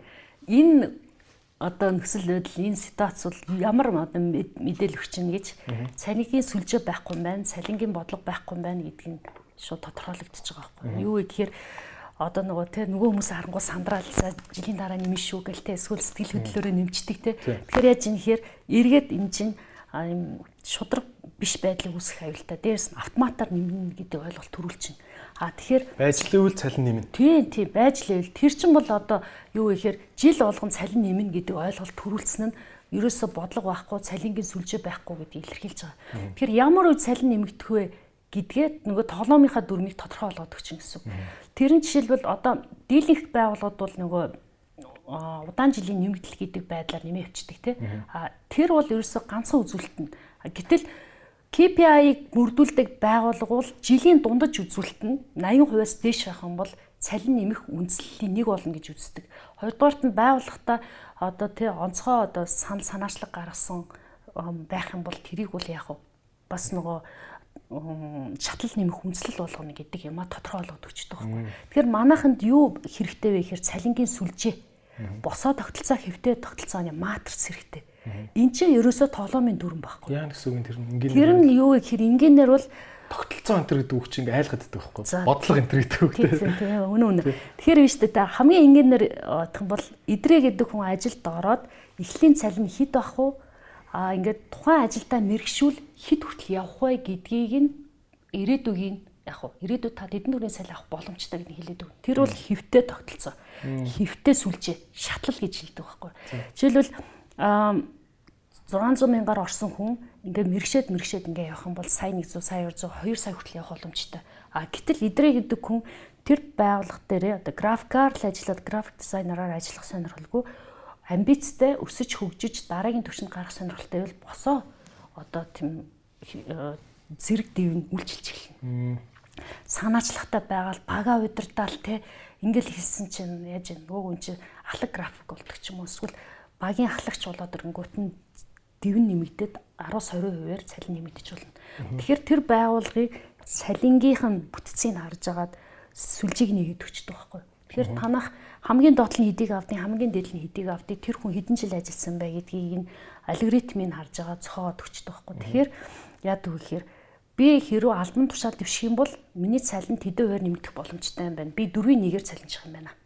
А хэрүү одоо надад албан тушаал юм уу эсвэл одоо ийм удирдах албан тушаал надад сонирхолгүй байна. Би нэг мараа мэрэгшээ гэвэл та шатлалаар өсөх боломжтой. Тэгвэл би одоо дөрвийн нэг байсан бол дөрвийн 7 хүртэл шатлал нэмэгдэх боломжтой юм байна гэдэг карьер төлөвлөлт болон салингийнхаа өсөлтийг бүхэн харж хэвээр байхгүй. Яг манай Монгол компаниудад энэ дутагддаг. За бидний яг хийдэг юм нь энэ байхгүй юу? Одоо таван төлсийн зохиож өгөөд тэр байгууллагт нь тэр цалингийн сүлжээг нь гаргаад өчтдөг. Тэгэхээр дөрөнгөт одоо идрээ гэдэг хүн ажилд оронгууд аа надад потенциал байгаа юм байна. Цалин бол нэмэх боломж байгаа юм байна. Хэрвээ би мэрэгшээд хэрвээ ийм ийм ийм үзүүлэлтийг хангачих юм бол би одоо тий дараагийн шатанд нэмэх боломжтой юм байна гэж гарч байгаа байхгүй. Тэгэхээр энэ ямар даваа талтай гэж тэр хүн албан тушаал хөөх сонирхолгүй, амбицтай байх сонирхолгүй тухайн аймдаа мэрэгших сонирхолтой бол шатлалаар цалин нэмэх боломжтой. Аа эсвэл ингээл одоо тий карьер төлөлт нөсөл би энэ компанийхаа CEO болтлоо явна гэдэг сонирхолтой хүн байгаа бол өсөх одоо албан тушаал буюу зэрэг дэвээр өсөх боломжтой байгаа байхгүй. Тэгэхээр энийг зохиогоод өчгөр хүмүүст бол ерөөс аюу шудар систем үйлчилдэг. А тэгвэл жил болгон би одоо жил ажиллачлаа захирлаа гэдэг үндэслэл бол тэр хүний нэг толомон дүн тодорхойгүй байгаа юм чинь тэр хүн тийч хэлэх нь зөв шүү дээ. Яг тэгвэл яаж юмхэн тодорхойгүй. Тэгэл ер нь бол нэг жил болохоор нэмчихэд идэм чинь нэмэх бахтай гэдэг хүлээлт үсчихэд байна тий. А гэтэл тэр хүнд ч одоо эдэр за миний KPI-ийн гүйцэтгэл 80-аас дээш гарцсан. Би нэг жил ажилдсан. Тэгээ би бас нэг ийм юм санаачлаг гаргацсан учраас надад нэмэх одоо тий шалтгаан байгаа юм байна гэдгийг одоо үнслэх юм бол нөгөө захирал чинь тий дөрмөн тодорхой одоо тий яг шатлал нэгээр ахиулах уу хоёроор ахиулах уу гэдэг шийдвэр гаргалт хийждэг. Тэгэхээр тэр тодорхой болчих юм бол захирлын толгооны өвчин арилна шүү дээ. Тийм ээ тий. Тийм. Гэтэ нөгөө бас цаашаа нөгөө сайн явах үгүйгээ бас мэдгүй байгаа компаниуд байгаа шүү дээ. Одоо хүнд ингээл за чиний цалин яванда 5 сая болох боломжтой шүү гэх хилчдэг. Тэгсэн мөртлөө захирал өөрөө дотроо бас ер нь манай компани ер нь 3 жилийн дотор орлого өсч чадах юм болоо та гэдээ бас компанид бас сэтгэлгүй байгаа шүү дээ. Тэ? Ийм үед яах вэ? Энэ үед шүү дээ. Бас хит ингээд өндөр хүлээлт үүсгэс сэргийлэх хэрэгтэй. Хоёрдугаарт мэдээж эргээр төсөлж болно тий. Гуравдугаарт нь юу хийж болох вэ гэхээр сарын KPI-да орлогын орлогын үзүүлэлтээр нь уйшчул хэцүү рээдэ. Тэгэнгүүт баг хамт олноороо сарынхаа орлогыг бий болгохын төлөө багаар ажилтдаг байхгүй. Тэгээд тэр орлогын одоо орлогын үзүүлэлтээ KPI-г 100% гэж үзэх юм бол 10-аас 15% нь тэр сарын орлогын үзүүлэлт ингээ уяад өчгөр нөгөө хүн чинь хэрүү одоо нөгөө үзүүлэлт нь тийм ээ 80-аас дээш гарах юм бол бонус цалин авахгүй. Тэнгүүд 80-аас дээшээ гарахгүй бол цалин нэмэх үндэслэл болохгүй. Тэгэхээр энэ чинь нөгөө хөшүүргийн нөгөө яриад байгаа юм чинь яг KPI дээрс орж ирдэг байхгүй. Тэгэхгүй бол ганцаарчлсан тоглолт хийлгэх хийлгэх хийлгээд байна уу эсвэл багаар нь ажиллах гэдэг нэг гэдэг чинь танаа байгууллагын хүний нөөцтөө гаргаж байгаа нөгөө философи гэдэг байгаа итгэл үнэмшлээс чинь бүх юм шалтгаалдаг. Зарим одоо мундаг хүний нөөцтэй ач холбогдол өгдөг байгууллагууд бол тэрийг бүгднийг тооцоолоо гаргацсан. Хувьчилсан одоо тий амжилт гаргасан үед яах вэ? Дээрэс нь багаар ажилласан үед яах вэ гэдгийг чинь өстө толомынхаа дүрмэд жоохон ажиллах хэрэгтэй, жоохон нөгөө тоо бодох хэрэгтэй. Тэгээд тэрийгэ маа гэд ингээд төснөлтөр үзүүлдэг байхгүй. Яг энэ аргаар бод шүү. Хэрэг биш тэ KPI-г маш сайн хэрэгжүүлдэг тийм соёлтой байгууллагууд бол өдөр болгон чи юу хийж гин гэж асуух ямар шаардлагагүй. Тэр хүн чинь KPI-ийнхаа үзүүлэлтийг өндөр авахын тулд өөрөө ухамсартайгаар өөрөө бүтээлчээр ажилтдаг болдог байхгүй. Тэгэхээр л энэ удирдахч хүний чадвар их шаардлагатай байгаа зү. Тийм ээ. Тэгэхээр хүний нөөцөл яг ингээд нэм түүлсийн цохоогоод эхлэхээр аюу амархан байхгүй. Түүлсийн л бид нар маш сайн цохоогоод эхэлчмээр байна. Танд иймэрхүү захирлууд таарлаж ирсэн. Гэхдээ ер нь байдаг те ялангуяа одоо ийм гэдэг чи инженер ах нар ах нар олонтой тий. Одоо нэг юм жоо ирчүүд давмгаалсан соёлтой байгууллагууд байдаг шүү дээ. Одоо юу гэдэг чи нэг юм төмрийн цех ч юм уу тий. Гагнуурын компани ч юм уу тий.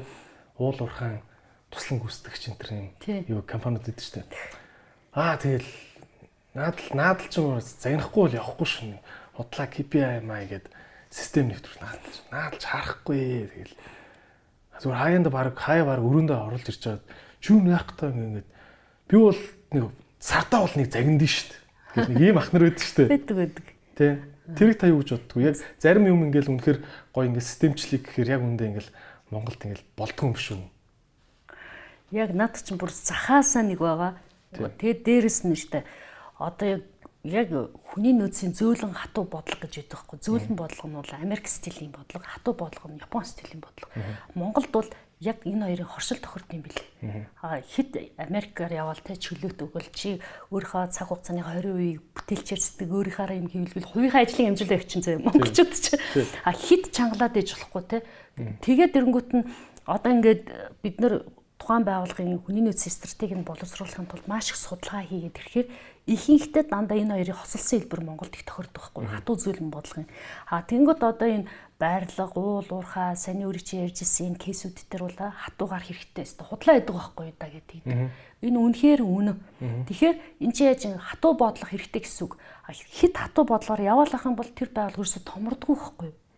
Тэгэхээр энэ хоёрын хоршлол 60 40% юм уу, 50 юм уу, 20 80 юм уу гэдгийг тэр байгууллагын онцлог судалжаад гаргаж ирэх хэрэгтэй. Өстой нөгөө ши За ер нь бол нэг хатуу 60 40 байдаг.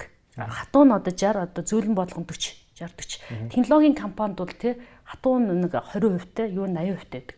А яг ийм хатуу диктатуртай тийм байгууллагт үнэхээр бас нэг чангаар хэрэгтэй сахилгаат хийдэг одоо хэрэгтэй тийм байгууллага үнэхээр байгаа байгаа. А гэхдээ тэр хүмүүсийн тэр бизнесийнх нь онцлогийг ойлгоод тэр хүний нөөцийнхаа тэр түүсийг зохиохдоо яг тэрийг шингээгээд төвчлөх зүгээр юм. Одоо нэг байгууллага бид нар ээч зөвлөх үйлчлэгээ явуулж байгаад яг юун дээр ингээ гацаад орхисон байсан бэ гэхээр юу гэхээр KPI гэдэг чинь хийхгүйгээд нөгөө дуул шатны менежерүүд нь эсрүүцэж байгаа байхгүй. Тэр чинь хараад дүнж тянуулмааргүй байна. Би одоо хинбэ хянуулж идэг гэл те. Шууд дунд шатны удирдлагууд нь яаж ийн?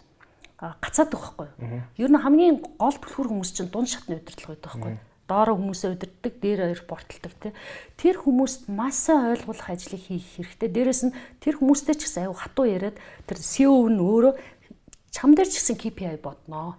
Чиний KPI чи өөрөө бодохгүй өөрөө үлгэр дуурайл үзүүлэхгүй л чиний тэр бонусаас чи хаснаа гэдгийг шуудхан хэлэх хэрэгтэй. Тэгээд нөгөө нэг гацалт үүссэн байсан тэр 3 4 одоо ерөнхий инженер ч гэдэм үү те одоо тэр юуны хилцс хариуцсан тэр захирлууд нь бозонер гэж ярьдаг байхгүй бозо гэдэг Япон үйл ингээд юм. Хойшоо суудсан те. А би бүгдийн мэднэ өөрчлөлтөнд дургу гэсэн тийм характертай хүмүүс байгаа байхгүй тэр хүмүүсийг өөрчлөхөөс эхэлнэ. А тэрийг өөрчлөхөд бол нөгөө тоглоомын дүрмээ нягт чанга тууштай мөрдөх тийм ажиллагааг CEO өөрөө удирдах хийхгүй бол айгүй амархан тулширч тулшрах юм гэх юм одоо юу ячтэй шантардаг байхгүй. За аршир шиг энэ нөгөө гол гол манай менежерүүд дургуцаад байна боли гэд.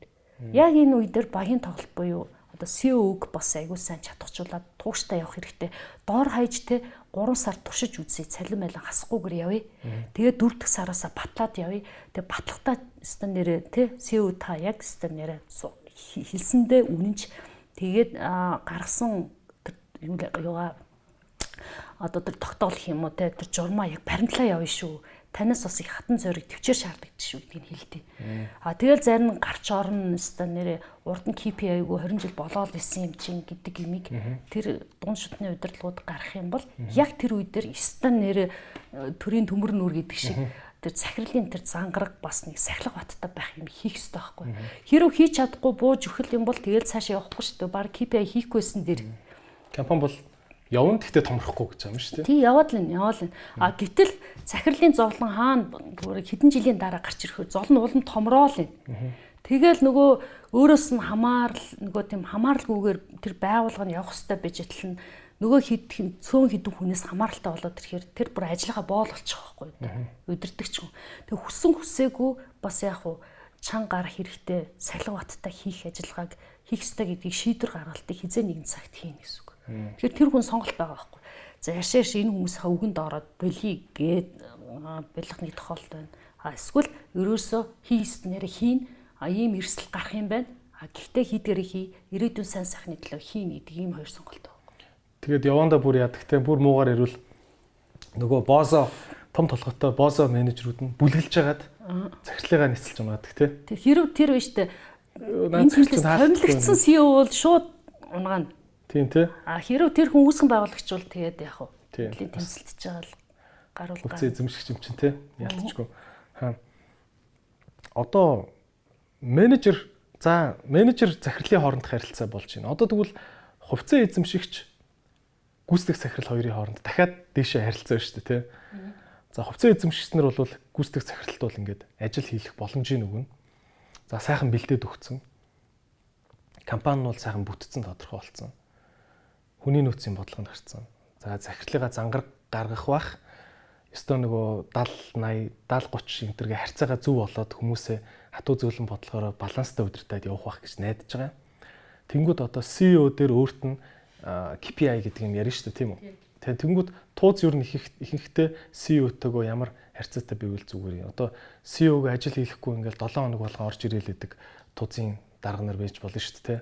Тэнгууд тэнгууд нөгөө ажилчт нь CEO-гоо өө эн чин жоохон мягаар юм шүү. Байн байныг зөвлөгөө аваад байх юм нэгтэн.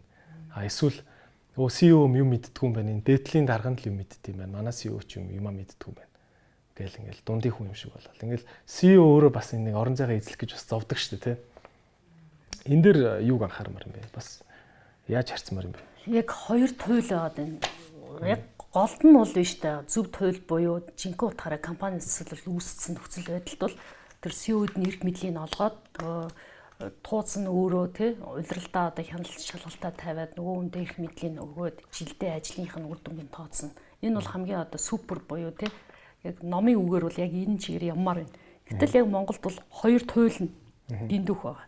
Нэг туйл нь юу гэж CEO-д хамаг эрх мэдлээ өгсөн. Ерөөсөө хяналт тавьдаггүй те. Тэгээ нөгөө CEO-н даам гарцсан баг өөрөө ингээд хувийн одоо эрх ашигыг нэг тавиад ингээд компани мөнгийг өөрийн мөнгө болгож хуургацсан тийм тохиолдол байгаа. Тийм.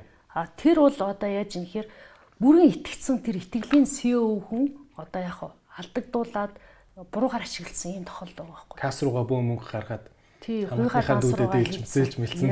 Тэр бол үнэхээр гамшиг байгаад шүү дээ. За нөгөө туйлны вэ гэхээр өөрөө чи хэлдгээр хит их оролцоотой нөгөө CEO-д ингээд өөрийнхөө багаараа ажиллаад зорьсон зорилготой хүрэхтэй боломжийг надад алдагдуулаад ингээд хит хямдаг гэсэн үг байхгүй. Тэгэхээр альва юмний тэнцвэрийг нь олох хэрэгтэй байгаа. Энэ хоёрын тэнцвэр бол яг гол байгаа байхгүй. Яаж юм хэр эрх мэдлийг нь өгнө. Гэхдээ нөөдлөө хянана. Аа тэгэхээр хянаад хянахтаа жил болгон ажлын үр дүнгийн тооцдог энэ ажиллагааг нь хиймээр байгаа байхгүй. Тэгэхээр одоо тууз байлаа гэх юм бол тууз CEO-гөө мэдээж зөв хүнээс сонгорчоод тэр хүн жилээр нь 2 жилээр нь ажлын үр дүнгийн тооцно гингүүтээ хажуугаар нь бол нөгөө дотоод аудитын хилтэс гэдэг юм уу дотоод аудитын хороо гэж байгуулад тэгээ тэр хороо нь бол яг хөрөнгө оруулагчдын баг байж болно үйл ажиллагааны бас баг хороо байгуулаад тэр хороонууд үйл ажиллагаа болон санхүүгийн аудитыг параллельний хийдэг байж ич тэр CEO-г шилэн данстай болно гэсэн үг шүү дээ. Тэгэхээр тэр CEO-г зөв хийж гин үгүй юу? Нэг талаараа эрх мэдлийн өгөн, нөгөө талаараа зөв хийж гин үгүй юу гэдэг хяналтын тавих. Яг энийг л хийх хэрэгтэй юм байна. Энийг л хийх хэрэгтэй юм. Хоёр тал руугаа олцоод байна тийм. Хоёр тал руугаа. Одоо миний одоо зөвлөгөө өгч исэн хамтран ажиллаж исэн компани хоёр тул хоёулаа байсан. Тэгээд ингээд чинь амьдралаас ойлгоод эн чинь яадаг үгүй байна хит бас ирчил өгч болохгүй юм байна тий. Аа бас нөгөөт нь хит ингээд тэр хүнийг байраад өөрийнхөө зорьсон одоо тий төлөвсөн ажлыг хийх боломжийг хангаж чадахгүй юм байна гэдгийг ойлгоцсон байгаа болохоор яг голын яг тэр балансаа барьж ийн үг гэдгийг л аюулсан хийх хэрэгтэй байдаг. Тийм ээ. Окей. Гэтэ энэ биш үү жижиг компани гарахгүй шүү дээ. Дунд зэргийн компанид гарна. Дунд зэргийн компани одоо яг энэ цэг нь яг цэг нь чи хатгаж байгаа байхгүй. Энэ дунд зэргийн компани томорхоо үгүй юу гэдгээс бүх юм энэ компани засаглалаас 100% хамааралтай. Тэгэхээр тэр цэгээ зөв хатгаад а яг дооцын тааруулаа явах юм бол тэр компани бол дараагийн түвшний те одоо томоохон компани болох зам нь шулуудчих гэсэн үг. А хэрүү эрх мэдлийн хязгаарлал эсвэл одоо хяналтаа тавьж чадахгүй бол тэгэл агшаал агшаал тий одоо яа гэм буруу гараар мөнгө нь орж ирээл нөгөө хөрөнгө оруулагч нь чохрон тий эргээд нь түнжин хаарах аюултай байхгүй. Тийм тий. Дотоод хяналтын хороо гэдэг дээ шүү дээ. Ингээд хороо дотоод хяналтын хороо өнтер гэдэг тэгэхээр айгүй том бүтц сонсогдоод байгаа байхгүй тий. Одоо бараг 7 800 компанитай ажил ажилтнтай компанид дотоод хяналтын алба гэд нэг 3 хүн суучдаг лөө 4 хүн суучдаг лөө нэг тийм л хэвчээ шүү дээ. Тэгэхээр компани ер нь хүний тоогоор ч юм уу орлогын тоогоор ингээд орлогын хэмжээгээр нь баримжаал бол ер нь хидэд хүрчээд за ер нь ядаж ганц хүнийг ч болтгоо те хоёр хүнийг ч болтгоо дотоод хяналтын баг гэж гаргах гаргаарай гэж та зөвлөх үү? Жижиг компанид биш үү те тэр үүсгэн байгуулагч нь өөрөө дотоод хяналтыгаа хийж болно. Яагаад гэвэл тэр компани өсөж хөгжөөсэй гэдэг чин сэтгэл агуулж байгаа учраас тэр хүн өөрөө харин аудит яаж хийх үү, хяналтаа яаж хийх үү гэдэг тийм чадвар нөө хавг нь сурчих хэрэгтэй.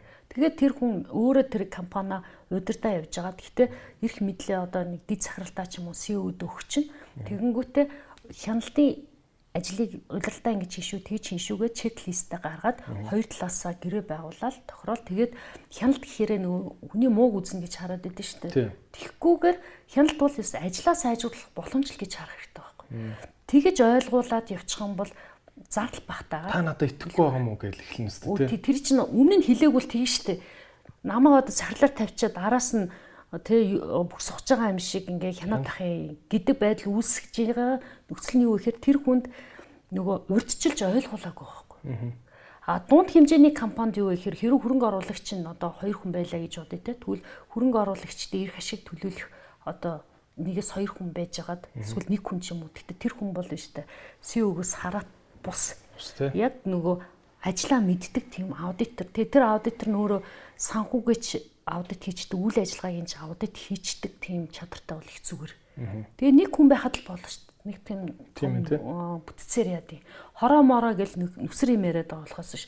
Яг нөгөө аудит дотоод аудитаа мэддэг хүн бол ерөөсөө нэг хүнээ танилал. Гэтэ тэр хүн өөрөө ёс зүйтэй ажиглалт сайн хийж чаддаг. Аудит яаж хийдэг тийм аргачлалыг мэддэг хүн байхад болно шүү дээ. Зэргийн компанид. Ер нь CEO-гийн ажлыг хэр ойрхон ойрхон дүгнжих хэвээр. Одоо нэг түрүүний хэлдгээр яг нэг гайхамшигаа үзүүлж амжаагүй байхад нь хяналтын хурал хийгээл те.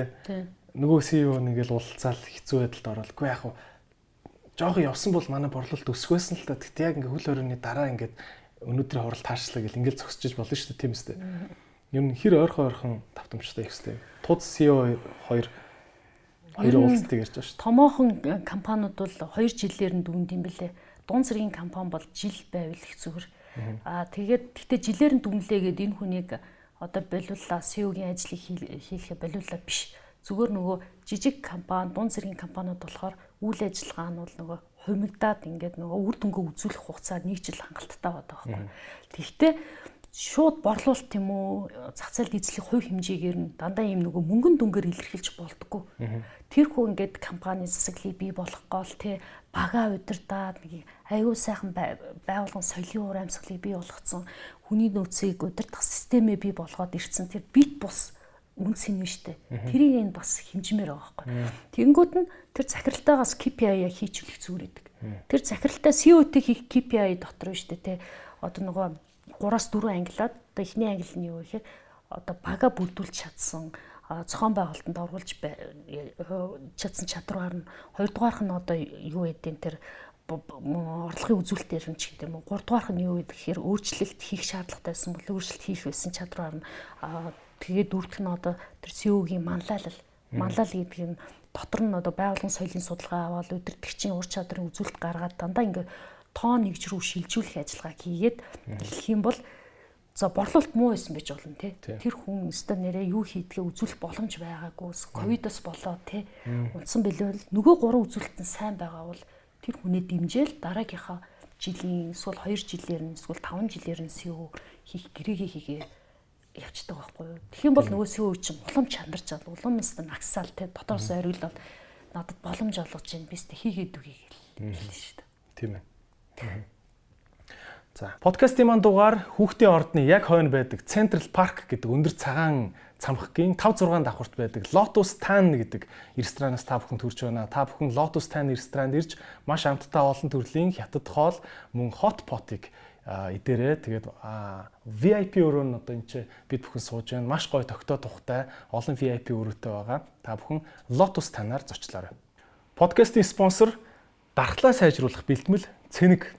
За Цэник гэдэг бүтээгдэхүүн нь бол одоо энэ ковидтой бүгдээрээ дархлаагаа маш өндөр бэлэн байдалтай байлгах шаардлагатай энэ үед хамгийн чухал бүтээгдэхүүнүүдийн нэг байгаа. За тэгээд дорны ангаах ухааны гайхамшигт ургамлуудын нэг болох хунчир гэдэг ургамлын ийм хандыг таны цүнхэндээ аваад явж байхад жифтийнхэн савлгаатай болгоод хүргэж байгаа. За цэник бүтээгдэхүүнийг та бүхэн өдөрт нэгийг 30 өдөр дараалж хэрэглээд курс маягаар хэрэгжилж болно. А энэ нь эмийн бүтээгдэхүүн биш учраас та бүхэн ямар ч одоо эмчилгээнийхээ үед дархлаагаа сайжруулах зорилгоор нэмэлт бүтээгдэхүүн болгоод хэрэгжилж болно. За тэгээд бие эсэргүүцэл сайжруулна, ажлын эрч хүчийг нэмнэ, таны бие сүлдэд байвал цэник гэдэг бүтээгдэхүүнийг хэрэглээрэй. За CEO маань ингээд ажиллаа авлаа. За тууцтайгаа яаж ярихаа ойлгочлаа. Яаж дүгнүүлэхээ ойлгочлаа тий. Гэтэл одоо бас юу баа штэ. Тууц ингээл байнга CEO-г за чи ийм сургалтанд явчаараа чи ингээл за CEO-гөө хөгжүүлээ гэж бөөцөлөд авахгүй штэ. Ихэвчлэн чи одоо над тулаана хий над компани ашигтай ажиллавал тэгээд тайлангийн хурал дээр уулзцгаая. Ер нь бол ер нь харьцаа тиймэрхүү гэдэг шүү дээ. Тэгэхээр одоо ингээ ганц баатар болж штэ. Компани удирдах гээд авцсан. CEO хүн ер нь өөрөө өөрийгөө яаж хөгжүүлэх юм? Аа. Тэгэхээр CEO-нөр бол аюу ганцаарддаг. Яа гэх юм бол одоо яг ийм компани засаглалтай дээрээ тууцтай байх юм бол асар ганцаарддаг. А эсвэл дунд хэмжээний эсвэл жижиг хэмжээний компаниуд үүсгэн байгуулагч өөрөө CEO хийгээ явцдаг. Тэгээд тэр зовлонгоо доороо байгаа хүмүүстэй яриад талтай нь шүү тийм үү. Тэгэхээр тэр зовлонгоо хуваалцдаг одоо яг ижил төвшний хүмүүстэйгээ бас найз нөхөд болж нэтворкөө сэргийлэх зүгээр гэдэг. За бид нар бас нөгөө executive coaching гэдэг хөтөлбөрөөр ингээд дандаа захирлуудад бид нар ингээд юу үзүүлэлт тавьчихдаг байхгүй тийм хэмжээний орлоготой байна, тийм асуудлуудтай байна. А тийм одоо тий үзүүлэлт байх юм бол таныг бол exec гэдэг коучинг хөтөлбөр тохирлоо гэж үзлээ гэд. Яагаад юм хэр яг ижил төвшний хүмүүсийг цуглуулад зөвхөн бид нар ингээд коуч өгөхөөс гадна хоорондоо суралцах боломжийг олгодог байхгүй. Тэгээд эрэнгүүт чи станер ганцаардаад энийг хинт хилдэм бэлээ, яаж шийдэл олд юм бэлээ гэсэн чи би чамаас суралцлаа штэ гэх тээ. Тэгэхээр захирлууд бие биенээсээ суралцах тэр боломжийг тэр хүн өөрөө тий гаргаж ирүүлэх зүгээр. Хоёрдугаарт өөртөөгөө айгуу сайн ажиллаад надад яг юу дутагдаад байна гэдгийг мэдээд тэгээд өөрийн гэсэн нэг сайн коучтой ч юм уу менторт олчих хэрэгтэй. Сүүнэр. Тэгээд тэр нөгөө зовлонгийн хуваалцдаг, асуудлыг шийдэж өгдөг бас нэг хүч хэрэгтэй шүү дээ. Тэ. Тэгвэл тууц чи ч одоо супер гай тий. Супер гай чи шийд чинь эздэг гэдэг. Гэтэл хүн юм чинь бас асуудал гарна тий. Нэг ингээд хоёр толгой нэгээс илүү гэж ярьдаг шүү дээ. Тэгэхээр нэг хамтдаа нэг ухаалаг шийдэл гаргачих хүн хэрэгтэй байгаад байдаг. Тийм болохоор бол ижил төвшний хүмүүстэй одоо тий найзалж асуудлаа илэн долонгоо ярилцдаг тийм хүн байх байвал зүгээр. Хоёрдугаарх нь ментор ч юм уу коучд олчих хэрэгтэй. Гуравдугаарх нь яг өөрийгөө аягүй сайн таниад ирэхээрээ өөрөө өөрийнхөө асуудлыг шийддэг, өөрөө өөрийгөө коучлдог аргыг бас сурчих хэрэгтэй. Тэнгүүт нь за надад одоо тийм ээ хүмүүст ингээд олонний өмнө ярьчих, итгэл үнэмшил төрүүлчих. Ярих чадвар хэрэгтэй юм байна. Тэ? Уг нь ингээд аягүй сэтгэл байгаад идэх, хийх төлөвөө байгаад идэх. Тэгэхээр ярих чадвараа хөгжүүлэхийн тулд би яах вэ? Тэгмээ энэ жилийн ном уншия. Яг эхний ээлжинд 30 минут хүмүүсийн өмнө ярьцдаг тийм дадал суулгая гэдэг Ингээд өөрөө өөртөөгөө өөрийгөө хөгжил төлөвөө гаргачвал их зүгээр гэдэг байхгүй. Тэгээд түрүүний ярьжсэн одоо яг энэ нөхцөл байдалд бол нөгөө CEO хүний тулгуур зүйл бол ном байдаг. Яг тэр асуудлыг шийдчихсэн, тэр асуудлыг давсан тийм одоо хүмүүсийн тэр түүхийг номыг уншаад ирэхээр ном чи өөр аюу гоё коуч болдог байхгүй. Том багштэй тий. Аюу тэгээ бас нэг гоё арга үүдээ. За би ч гэсэн тэр арга хэрэгэлдэг гэхээр төсөөлийн коучтэй болчдөг байхгүй. За миний одоо төсөөлийн коуч бол Петравис оюун гэрэл захирал байсан. Оюун гэрэл захирлын лекцийг судлаад ингээд хит хит удаа уулзаад тэр юм юмыг том зургаар нь харж чаддаг, тийм гууж ухаанаар харж чаддаг те. Тийм зангарахтай яг энэ чадвар нь надад үнэхээр хэрэгтэй юм байна гэд. Яг ийм нөхцөл байдалд оюун гэрэл захирал яах байсан бол гэж үргэлж боддог байсан баг. Тэгээд хин бэ? А Стив Джобс. Тэгэхээр тэр төсөөлийн коуч гэдэг нь юу вэ? Нэг амар ингээл дотн байнг очиж уулзаал чадахгүй ч хэрнээ ингээд ер нь дагад дагалдаад явчихдаг тийм. Одоо би Стив Джобс бол уулзж байгаагүй шүү дээ. Гэхдээ төсөөлийн ертөнцид тэр хүн миний коуч байгаа байхгүй. Тэгэнгүүт нь энэ хүн яг энэ нөхцөл байдалд ямар хариу үзүүлэх вэ гэд тэр хүний одоо өнцгөөс харна гэсэн үг байхгүй оюун санаагаа. Тэгээд тэрэнгүүт нь гандлахаар очиод ийм жижиг юм ихтэй асуудал болгоод тахтай яа гэм бэ те ийм шийдэл байгаа штэ гэд тэр яг Стив Джобсын тэр өнцгөөс харж эхэлдэг байхгүй. Тэр тийм төсөөлийн коучтэй ингээ болоод ирэх юм бол сүүж 80-аас нэр асар их хүчтэй болж ирээд зү яасан ч яах вэ гэдэг тийм хүч орж ирнэ. Тэгэхээр дотроос өөрөө өөрийгөө сэтэлжүүлдэг тийм чадвар хэрэгтэй байгаа. Яг удирдахч хүн сүү биш удирдахчд. Тийм. Одоо ингэдэж чинь сэтгэл санаар унчаар найзгаа дуудаал те Тэгэл санал бодлоо хуваалцж байгаа нөгөөх нь үе видеч гэдэг юм уу? Өста тэх ёсгүй шүү дээ те гэж чиний талд ордог ч юм уу. Тэгэхээр нэг сэтгэл сэргчдэг те. Гаднаас хүч аваад а гэтэл яг ингээд мундаг удирдахч хүн өөртөө ажилтдаг хүн бол өөрөө өөрийгөө сэтэлжүүлдэг, өөрөө өөрийгөө коучлдаг аргатай байдаг. Яг тэрийг сурчих юм бол за тэгээд ер нь гандан гэрж эхэлж шүү дээ. Гандан бүршгүй өөдрөг вэ? Ямар ч юм игдэл цавчаал гар. Тийм. Nice. Аа одоо нэг бас нэг юм асуудал байна. За байгууллагт ингээд таны хэлээд байгаа tools гэдэг байгаа тийм одоо ингээд за KPI ингэчи, цалингийн ингээд матрицаа зурчи. Ингээд хүмүүсээ сургалтанд сурах чи тий. Ингээд бүх юмаа ингээд хийгээд сайхан ингээд тавьдаг CEO ингээд бүтэн жил нохно шүү дээ тий. За одоо манай компани гоё ингээд ингээд систем ажиллах байх гэл пад гараа авсан чинь яг нөгөө хуучнаараа явал тий.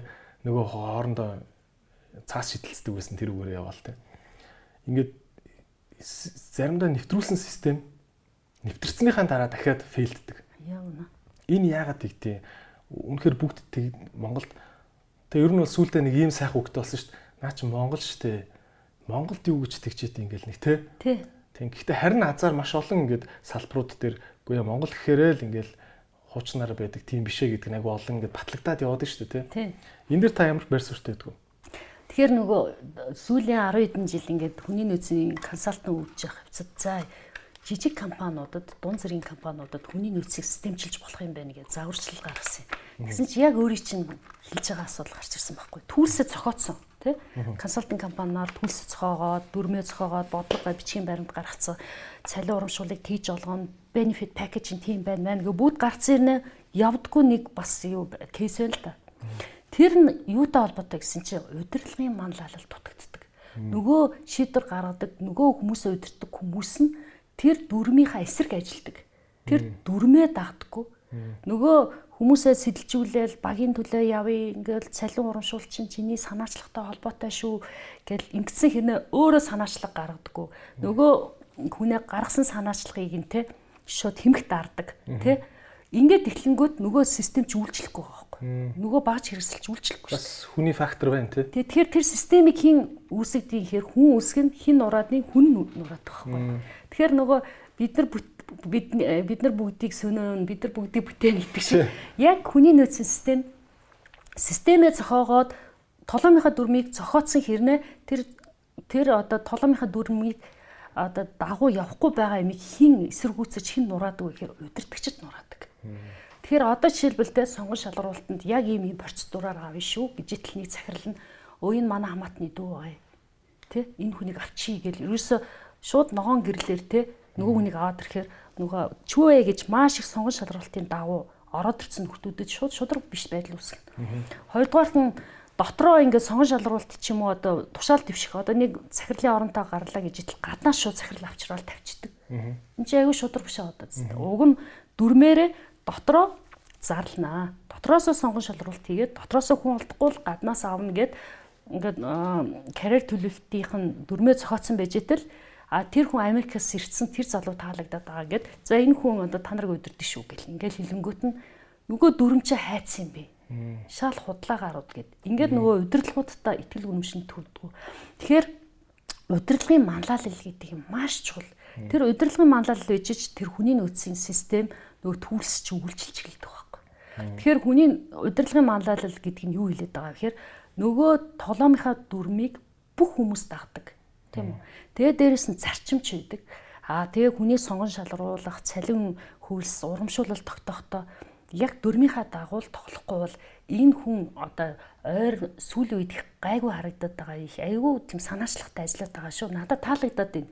Энэ батыг шагнал тодорхойлчих. Тийм.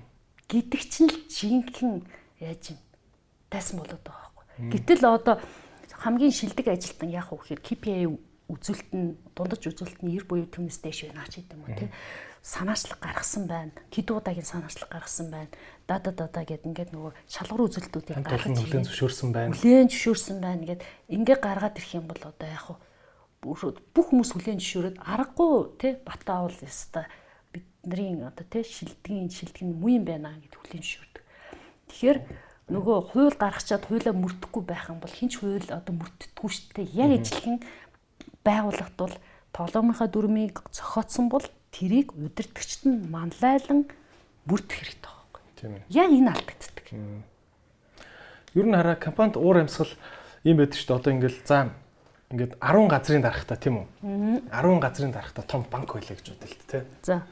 10 газрын дарахтаа. Тэгээд 10 газрын даргын даргын нэг нь явандаа одоо компанийнхаа дүрмээр дотроосоо CEO болно. Аа. Хүний нөөцийн бодлогын дагуу. Тэгэхээр хин нэг нь мэдчихэж штэ. Одоо нам дотор ч гэсэн тэгдэг штэ. Ингээл олон өдөртөгч залуучууд явж байгаа. За нэг нь жинсек болно. Тэрэл нэг тэгдэг штэ тий. Тэгэл за энэ шиг тэгэхээр юм албаны газрууд албаны дарга нарын хооронд менежерүүдийн хооронд тийм нууц өрсөлдөөн бий болоод би дараагийн CEO гэдэг нөгөөх нь би дараагийн CEO гэж бодчихдаг. Ийм нууц өрсөлдөөн бас ингээд ийм хортой дотоод ийм хортой өрсөлдөөнийг бий болгох уу нэгдүгürt. Аа тэрнээс тузан Та та нарын нэг нь 2 жилийн дараа CEO бол шүү гэд хэлхэн зөв юм уу? Дотоод дүрмийн дагуу. Үгүй бол албаар ингэж хооронд ингэ өрсөлдүүлэхгүй гэдэг үүднээсээ дугаа байжгаад гів гинтхэн за нэгэн CEO болж байгаа шүү гэсэн дээр юм уу? Аль нь нэт юм? Аа шууд огцом тэгж ерөөсө болохгүй. Юу вэ гэхээр rotation хөтөлбөр гэж яддаг шүү дээ. Одоо нөгөө ирээдүйд CEO болох ч байгаа сонирхолтой болон болж магадгүй гэсэн ингээ овоо харанд орсон хүмүүс идэв чинь энэ хүн их ирээдүйтэй байж магадгүй гэсэн хүмүүсээ нэгтгээд юм ирээдүйн залгамж холбооны тийм хөтөлбөр гэдэг юм хийчтэй. Тэгээ яг миний нэр нэг сүртэл болохоос биш. Ер нь тэр хүмүүсийг ингээ нөгөө цуглуулад одоо нөгөө CEO-тэй хийсэн ярилцлага хийгээл тэгээ янз янзын одоо дотроо хэрүү өөрөөр хэлцүүд ивэл өөрөөр хэлцэд ажиллах замаар тэр хүнийг чаленж хийж байгаа байхгүй. Одоо ингээл маркетинг борлуулалтанд айгүй мундаг байсан хүн одоо яа янал шалгалтч гэдэг юм стратеги төлөвлөлтийн хэлцийг удирд гэдэг даалгавар өгч байгаа. Гэтэл тэр хүн CEO хүн бол бүх хэлцүүдийг удирдах чадвартай тэг бүх нөөцүүдийг удирдах чадвартай хүн байх ёстой шүү дээ. Гэтэл бас айгүй сайн маркетинг борлуулалт хийдэг гэрнээ стратеги талаас нь бизнес модельоо зохиож чадахгүй байхыг үүсэхгүй. А гэтээ тэр хүн потенциалтай байж магадгүй. Тэгэхээр rotation буюу тэр хүнийг одоо CEO-уд бэлэн болохын тулд өөр хилтэс газрыг удирдуулах боломжийг олох хэрэгтэй. Тэгээ 1 2 жилийн дараагаар явандаа шалгараад ирэхээр гэтээ шууд за би энэ хүнийг тонлоо гэдэг юм айгу буруу. Ерөөсө бид нар ийм юм үзүүлэлтээр одоо CEO болох ч байгаа та нар бүгдээрээ нээлттэй байж болно. А гэтээ манлайлалын хөтөлбөр давхар явж хагаад тэр хүмүүс чинь бэлтгэгдээд эхэлдэг байхгүй. Бэлтгэгдээд сэтгэл зүйн бэлтгэгдээд өөр өөр хилцэст хүлэн шүрэгдөд ирэхээр сонгон шалралтын дагуу нөгөө овоо хараанда орцсон хүн аяанда өөр өөр хэлцийг удирдах эхэлсэн хүн чинь яг CEO-гөр бэлтгэгдсэн байдаг. Тэр хүн чинь аяанда гараад ирдэг. Тэгэхээр яг нэг тийм үе хэрэгтэй уз. Тэр нь одоо нөгөө залгамж холбоо э, би болгох үе гэж ярьдаг л. Одоо ягаад би зүгээр энийг асуусан гэхээр сая юуны ард санхүүгийн нэгдлийн ган uyг захирлын манлайлсан apprentice гэх шоу гарлаа шүү дээ. Тэнд бол одоо ингээд дараагийн захирлыг ингээд маш мундаг залуучуудаа сонгох гээд шүү дээ тий. Тэгэхэд ингээл ер нь бол бас хөөхөн тэгэл юу болж байгаа өстэй. Хөөхөн драм болж байгаа өстэй тий. Тэгэл нэгний гарсан уур нөгөөдгөөс нь за энэ хүний сул тал нь юу байжсан гэж бодож байна энэ гэл албаар. Тэр яг телевизийн шоу мэдээж хэтрүүлэгтэй юм байгааг нь ойлгож байна. Гэтэ ер нь бас ингээл а би энийхээ одоо найзынхаа сул талыг галс очоод хилээд өгчхийн оронд за дараа CEO дээр өрсөлдөж магадгүй хэлэхгүй ингээд суудаг ч юм уу те. Компани дотор тийм одоо хортой би энийг дэмж дэмждэг гэж байгаа мөртлөө цаана дэмждэггүй энэ төр гэл те. Тим юм үүсэх үедэл гэж асууж байхгүй. Гэтэ тэр чинь хүний мөн чанар шүү дээ. Тэр чи яг өрсөлдөөн дунд жинхэнэ хүний мөн чанар танигдана. Үнэхээр тийм цэвэр өрсөлдөөнийг бий болох хэрэгтэй шүү дээ. Тэр чи хайрн гоё шүү дээ. Зөрчилдөөн байж ийж те. Тэр зөрчилдөөнийг давах чадвартай байж ийж жинхэнэ CEO болж ирнэ шүү дээ. Тэгэхээр ийм юм байна. Тэрийг хүлэн зөвшөөрөх хэрэгтэй. Хаста нөгөө сонгон нөгөө сонгон шалгаруулалтынхаа дүрмээ бас тодорхой болгоод тэрийгэл мөрдөө авчих хэрэгтэй. Тэрэн дээр нөгөө өрсөлдөөний дунд нь одоо ингээд даалгавар хүчиж болно шүү. За 5 жилийн манай байгууллагын 5 жилийн стратеги төлөвлөгөөг та нар боловсруулад ирнэ үү гэд нөгөө CEO өрсөлдөгч байгаа хүмүүст өгч штэ чаленж болгоод тэгээд үнэхээр өрсөлдөө би чадна гэсэн хүмүүс чинь 5 жилийн дараа манай байгууллага ингэж өсөж хөгжинэ гэж бодож байна. Би ингэж харж байгаа бизнес модельөө ингэж өөрчлөнө гэж бодож байгаа гэдэг нөгөө мөрөөдлөө дээрс нь төлөвлөгөөгөө гаргаад тэр чинь бас нэг юу аз selection сонголт. Тэгээд дээрэс нь ингээд өөр өөр албан тушаал тавьж болж байна. А ирээдүйн манлайлагчдыг тодруулах тийм хөтөлбөр зохиогоод тэр хөтөлбөр чинь бас ингээд цойлол гараад ирдэг байхгүй.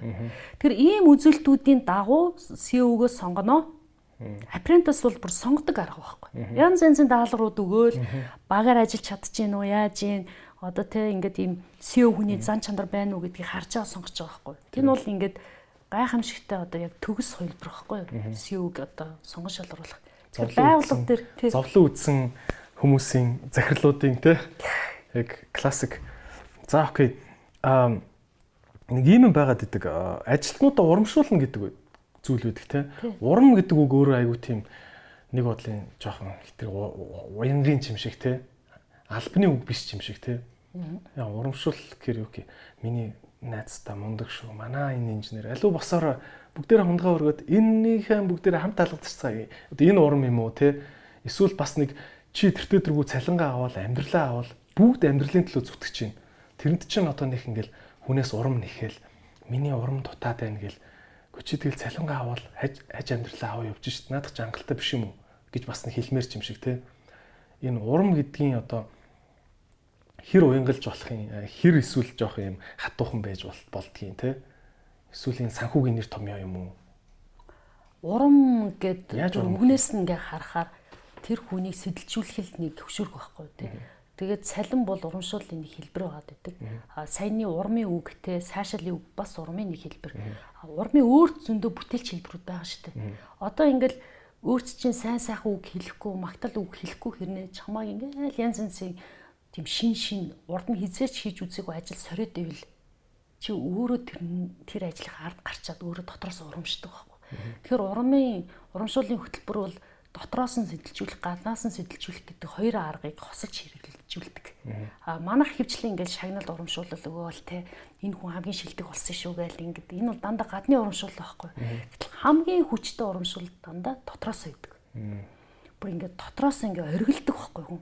Бүр ингээд чадчихлаа. Тэр урамшууллын аргачлал бол маш өндөр одоо төвшөнд олон жилийн туршлагатай ч гэдэг юм өндөр мэдрэмжтэй хүмүүс бол тэр хүн ямар үед урамштай бэ гэдгийг мэддэг. Тэгээд мундаг мундаг одоо сэвнэр бол хүний хүн болгоны дэлгүүрийн тааруулна гэдэг шиг хүн болгоны дотоод сэтгэлийг ойлгоцсон энэ хүнд бол тэ хатуу үг уран болж чаддаг. Тэ яврах ажиллагаа. Энэ хүнд бол одоо яаж юм гэхээр нэг одоо тэ нэг сайхан сэтгэлийн сэргээс үг хэлэхээр урамшдаг гэдэг. Энэ хүнд бол яах вэ гэхээр тэр хүнд бүр ингээд аюу хэцүү даалгавар өгчөөр бүрстэ энэ ард гарах гал урамшдаг. Тэгэхээр урамшил маш олон хэлбэр байдаг. Гэхдээ хоёр хуваах юм бол бит болон бит бус гаднаас болон дотноос нь гэж хуваачилж байгаа юм. Тэгэхээр нэг ийм үг гэдэг байхгүй юу? Тэр урмын хөтөлбөр маань өөр өөр төвшин төвшин доондоо байдаг. Топ төвшний удирдлага дунд шат бүх ажилтнуудад зориулсан урамшууллын хөтөлбөр гэж байдаг. Тэгэхээр урамшууллын хөтөлбөр нь бас нэг үе үедээ ондоо байдаг. XYZ гээд ондоо байдаг те төвшөндөө ондоо байдаг. Тэгэхээр энэ урамшууллын хөтөлбөр чинь нөгөө маш өндөр мэдрэмжтэй дээрээс нь нөгөө маслогийн онолоор хэрэгцээнээсээ шалтгаалаад урамшууллын хөтөлбөр бас ондоо байдаг. Тий. Тэ? Хүнд одоо ингээл байшин савтай хүнд одоо нөгөө те юуны урьдчилгаа 30% өгөөд Хөвсгөл нуурлуу аялах эрхийн бичгээр шагнаж байна гэхдээ нэг шүү дээ. Тэгэхээр яаж ийн гэтэл тэр хүн өөрийгөө илэрхийлэх өөрийнхөө одоо тий одоо тий өөрөөр бахархах тийм хэрэгцээ шаардлага байж итэл шаал өөр тохиромжгүй одоо хөтөлбөр ч юм уу одоо тохиромжгүй шаналгч юм бол байгаа онохгүй байгаа байхгүй. Тэгэхээр урам салин урамшууллын хөтөлбөр гэдэг чинь өөрөө бас нэлээ тэр хүнээс судалдаг нөгөө байгуулгын соёлын судалгаагаар айгүй нарийн гарч ирдیں۔ Сэтгэл ханамжийн судалгаагаар гарч ирдэг байхгүй. Хүн яагаар сэтгэл ханамжтай байдгийг хэр зарим цалин өндөр байвал гэл зарим нь одоо тий альбом тушаал өгөх боломж өгөх юм бол би сэтгэл ханамжтай байна. Зарим нь гоё орчин бүрдсэн тий яг Google шиг ингээл тэртээ байгаа юм шиг орчин бүрдсэн бол сэтгэл ханамж өгдөг. Тэгэхээр сэтгэл ханамжийг одоо өгүүлэхийн тулд тэр хүн яаж юугаар сэтэлждэг юм бэ гэдгийг нь л ойлгоод авчих юм бол трийгээ тусгаад нөгөө толомын дүрмээ гаргаад ирэх хэрэгтэй гэсэн үг. Тэр нь явж судалгаа хийж тарах юм байна те. Толон дундаа. За одоо хоёлаа зүгээр нэг юм үйлдвэр гэж бодъё. За энэ ширээг үйлдвэрлэдэг үйлдвэр те. Үйлдвэрийн ажил бол аа маш тодорхой, стандарттай. Энэ ширээ энэ машин руу ордог, ингээ гардаг, тийшээ ороод ингээ гардаг. Чи нэг шат амжилган дээр нь байгаа. Тэр машиныг ажилуулдаг. Тэр хүнд бол одоо чинь урмын бодоол за чи одоо өстой өөр машин дээр ажиллаад үзгээл гинт тэхгүй штэ. Яа тэгвэл бүх машиныг бүгд 100% ажилуулж ижил тэр ширээний үйлдвэр ингээд гоё ширээн гарна тий. Энд тэнд нь алдаа гарах ирэх байхгүй тий. Одоо нэг ийм орчнууд байгаа штэ. Тий. Чи зүгээр наад ажиллаа сайн ичгэлтэй гэлгээ хэлчмээр байдаг. Гэтэл нөгөө хүн нэг юм унжгар ингээд ажиллаад идэг. Тэ нэг орон зориггүй тий. Ингээл яг ажил нь явдаг. Тэгэл ингээд үйлдвэрийн шоу юм чинь. Тэгэхээр нэг л ингээ харахаар нэг юм аз жаргалтай ач биш үдийн хоолн дээр цаашаа хараад хоол идчихэл жоохон ингэж унтж байгаа л босоод ажиллаа гэдэг те. Ийм хүн байгаад байвал яах юм? Тэр чинь нормоор нь урамшуулчихдаг байхгүй. Одоо жишээл өдөрт 20 20 бүтээгдэхүүн гаргана гээд э, норм гаргачлаа ш. Түнгэд 20-оос илүү 21 22 дахыг ингээ гаргах юм бол тэр илүү гаргасан үнд нь нөгөө урамшууллынхаа бодлогоороо цалингийн тэдэн хувийг өгнө гэдэг нөгөө стандартаа тогтоогоод гэхдээ чанарын стандартаа хангана. Тэгээд нормосоо илүү хийх юм бол тийм урамшил өгнө гэж аягүй сайн байдаг шүү дээ. Ер нь дамжлагын ажил хийж байгаа хүмүүст бол тэр нөгөө нормыг нь тодорхойлоод нормоос илүү ажиллах юм бол цалин тэдэн хувиар өснөө гэдэг бол аягүй сайн явдаг. Энэ бол өөрөө яг цэвэр аягүй сонгодог урамшууллын хөтөлбөр. Тэгэхээр нөгөө үт чинь бүрс ингээ гаршаад бүр ингээ баг автомат болчихж байгаа байхгүй. Маш хурдтай хийдэг тий. Тэгэхээр яг ингэж хурдтай хийдэг нэг юм дахин дахин давтдаг ажил хийдэг хүнд бол урамшууллын хөтөлбөрийг бол яг тийж хийвлэх зүйрээд. Гэтэл маш олон өөр өөр ажил хийдэг хүмүүсийг яах юм. Энэ бол жинхэнэ толгойн өвчин. Нэгтлэн бодогчдыг яаж урамшуулах юм. Энэ бол айгүй том толгойн өвчин гэдэг байхгүй. Яаж урамшуулах юм? Одоо тэр нэгтлэн бодогчдод урамшуул цаг хугацаанд тайлангаа өгсөн хэсэг. Дээрээс нь нэмээд зөвхөн нэгтлэн бодогч бол өнгөрсөн дүн дээр ажилладаг шүү дээ. Гэтэл тэр хүн өөрөө санхүүгийн одоо жижиг компани дээр тийм үү? Санхүүгийн шинжилгээ хийгээд төлгөө гаргаад захиралдаа таниулт танилцуулдаг тийм санаачлаг гаргацсан байх юм бол өстой утгаар нь урамшуул. За одоо манай одоо байгууллага аналитик тал руугаа хөгжиж шүү дээ. Тий, уг нь бол тэр хүний үндсэн үүрэг биш. Гэхдээ сэтгэл гаргаад тэгээд тэр бүх дата байгаа юм чинь. Тэгээд санхүүгийн одоо шинжээч шинж хийх юм уу, сургалтын суулгагч зүгээр өдөртөгч хүн. Тэгээ хэрв чи ингээд шинжилгээ хийчих юм бол баярлал баярлахаар байна. А дээрэс нь хэрв ингэх юм бол одоо нэмэлт урамшуул өгөө гэх юм бол өдөртөгч хүн нэмэлт санхүүгийн шинжилгээ хийж аутсорс нь мөнгө төлөхгүйгээр нэгтлэн өөрөө хөгжиж байгаа. Хоёрдугаарх нь дүн шинжилгээ хийгээд мөнгө урсгал тийм байна. Бид нар одоо ашигт ажиллагаа нэмэгдүүлэхийн тулд орлогын хэмжээ тэрнээс буурч болохгүй байна гэдэг одоо мессежийг захирал өгчих юм бол захирал маш их баярлна. Дээрээс нь эргүүлээд тэр хүнд яг урамшаал өгчих байхгүй. Тэгэхээр бид нар яаж нөгөө KPI буюу зураглалын гарахтаа энэ хүн юу юу хийдгийг, юу хийж чаддгийг гэдгийг гаргачаад тэрийг KPI-тай нуушчаар янзын гоё тохируулга болно шүү дээ. Тийм ээ. Ер нь KPI бол маш том хөшүүрэг. Би дааж ажиллах, би дааж санаачлах. KPI чинь юу гэсэн товчлол вүлээ? Key Performance Indicator. Түлхүүр перформанс ч одоо юу гэх юм бэ? Ажлын түлхүүр үзүүлэх юм уу? Гүйцэтгэлийн түлхүүр үзүүлэх. Гүйцэтгэл тийм. Гүйцэтгэлийн түлхүүр үзүүлэлтүүдээ тохирох гэж ойлгож байна тийм KPI нэвтрэх. Түлхүүр үзүүлэлт гэдэг аюул чухал шүү. Манайхан ингээд ажлын байрны тодорхойлох бүх юмыг тооцох гээд ингээд зовлон болгоод өстой KPI-ийг тооцож болдгүй юм байлээ гэдэг байхгүй. Яг түлхүүр энэ сарда юу гэж түлхүүр болгож хийх юм бэ гэдгээ хоёр тал тохирчдөг байхгүй ажилтан менежер хоёр. Тэгвэл би энэ сарда ийм ийм ажлуудыг онцгойлон хийнэ гэдэг. Бусад ажлууд нь гэртээ төргөө хийгдэх нь тодорхой шүү. Дэше дошоо явж лээдэг тий. Одоо чи манай подкастын хувьд бол KPI нь юу гэх юм те сарын тэдэн дугаар заавал. Аа тэгээд дугаар болгоно нь заавал тэдэн үзэлт хүрхүүц чанартай дугаар нь тэргээд 3 4 тоогоол окей тохирч нь өстэй тий. Тэгээ одоо жишээлбэл менежер нь спонсор олцсон байна ч гэдэг юм уу тий. Тэгээд тэр доотлон тим байна гээл үзүүлэлтэд тохирчин. Тэгээд тэр хүмүүс нэрхчлөөг нь олгоч гэсэн үг. Тэгээд нөгөө хэд чинь яг тэр түлхүүр үзүүлэлтийнхаа дагуу хийлээ хийсэн бол сайн байна. Гүйцэтгэл өндөртэй бол цалингийн тэдэн хувь гээд уйчдаг байхгүй. Тийм. Одоо энэ байгууллагууд ингээд сургалтын юу гэд байдаг. Ажил ажилчдаа ингээд хөгжүүлэхийн тулд сургалтын төсөвгээ гаргадаг тий. Тэнгүүд сургалтын менежер нь ингээд бодож ирсэн аа. За ямар сургалт яах вэ? Гадуур юу ямар сургалт байна? гэд нэг сургалтын төвүүд судлаад учиргүй ингээд гадаад мадад явуулж явуулах гэр хөрөхгүй те. За яа ингээ Blue Sky-ийн тэр танхимд нэг ийм сургалт зохион бол чи нэг хоёр гайгүй нэг таньдаг хүн байна уу нэг ийм ийм лекц уншиж хоёр хүн болоод тэр гэдэг нэг за иймэрхүү нэг юм сургалтын хөтөлбөртэй компаниуд бас мэрсэр байдаг тий. За за одоо чинь манай дахиад хэлэхэд Hippocards компани тий жижигхэн хамт олонтой компани. Жишээ нь одоо бид нарт сургалтын төсөв гэж байхгүй одоо удахгүй гаргах гэж байгаа. Ирэх жилээс тий. Тэнгүүд одоо би бодож байгаа. За одоо ажилчдаа ямар сургалтын суулгах юм бэлээ гэж бодож байгаа байхгүй тий. Тэгэд надад болохоор нэг ихвчлэн нэг юм зөв сургалтын алба ихвчлэн нэг юм ажилч ажилчдаа за та нарт гоё хөрөнгө оруулсан шүү. Та нарт гоё номын дуу сонсгоо үсттэй гэдэг ийм л хэмжээнд явцдаг. Тэрнээс биш яг нөгөө сургалтаараа сурсан юм аа ирээд компанида хэрэгжүүлээд улам гоё хамт олон болоод те нэг юм бүрэн цикл үүсдэггүй юм шиг санагдаад идэх байхгүй айгу олон газруудад. Аа энэ дэр таны бодол ямар вэ? Яах яаж одоо би та жишээ надад зөвлөлтөө те. За манай компани одоо 60 ажилтаа ажилтнтай болчих л доо. Би сургалтаа одоо яаж авч явах вэ? Тэгэхээр сургалтын хэрэгцээ шаардлагыг тодорхойлох нэг бяцхан судалгаа авчих хэрэгтэй. Аа тэр хэрэгцээ шаардлага нь юу гэхээр хүмүүсээс авахаар ихэвчлэн wish list гараад ирдэг байхгүй тийм. Хятад хэл сурчмаар байна гिचмээр байна тийм. Бөөн мөрөөдлөд гараад ирнэ. Гэтэ тэгснээрээ тэр бүх сургалтанд хамруулна гэсэн үг биш. Аа нөгөө талаасаа тэрийг илүү чанартай болохын тулд карьер төлөвлөгөөг нь өөрснөө хэлүүлчихэл зүгээр. Жишээлбэл одоо нэг ажилтан, мэрэгжилтэн одоо менежер болох хүсэлтэй байх юм бол би ийм удирдах чадрын сургалтанд суумаар байна гэд илүү зоригтойгоор сурах дараагийн шат гараад байна. А тэгээд одоо ажилтнуудын хэрэгцээ шаардлагыг нэг талаас нь авчиж байгаа. Нөгөө талаас одоо идрээ гэдэг хүн захирал талаас ингээ харангууд манай хүмүүс нэг юм бүтээл сэтгэлгээ хэрэгтэй байна. Тим билдинг хэрэгтэй байна тий. Өөр өөр сэтгэдэг модельо өөрчлөх тим одоо тий чадвар хэрэгцээ шаардлагатай байна гэдэг ч юм уу тий.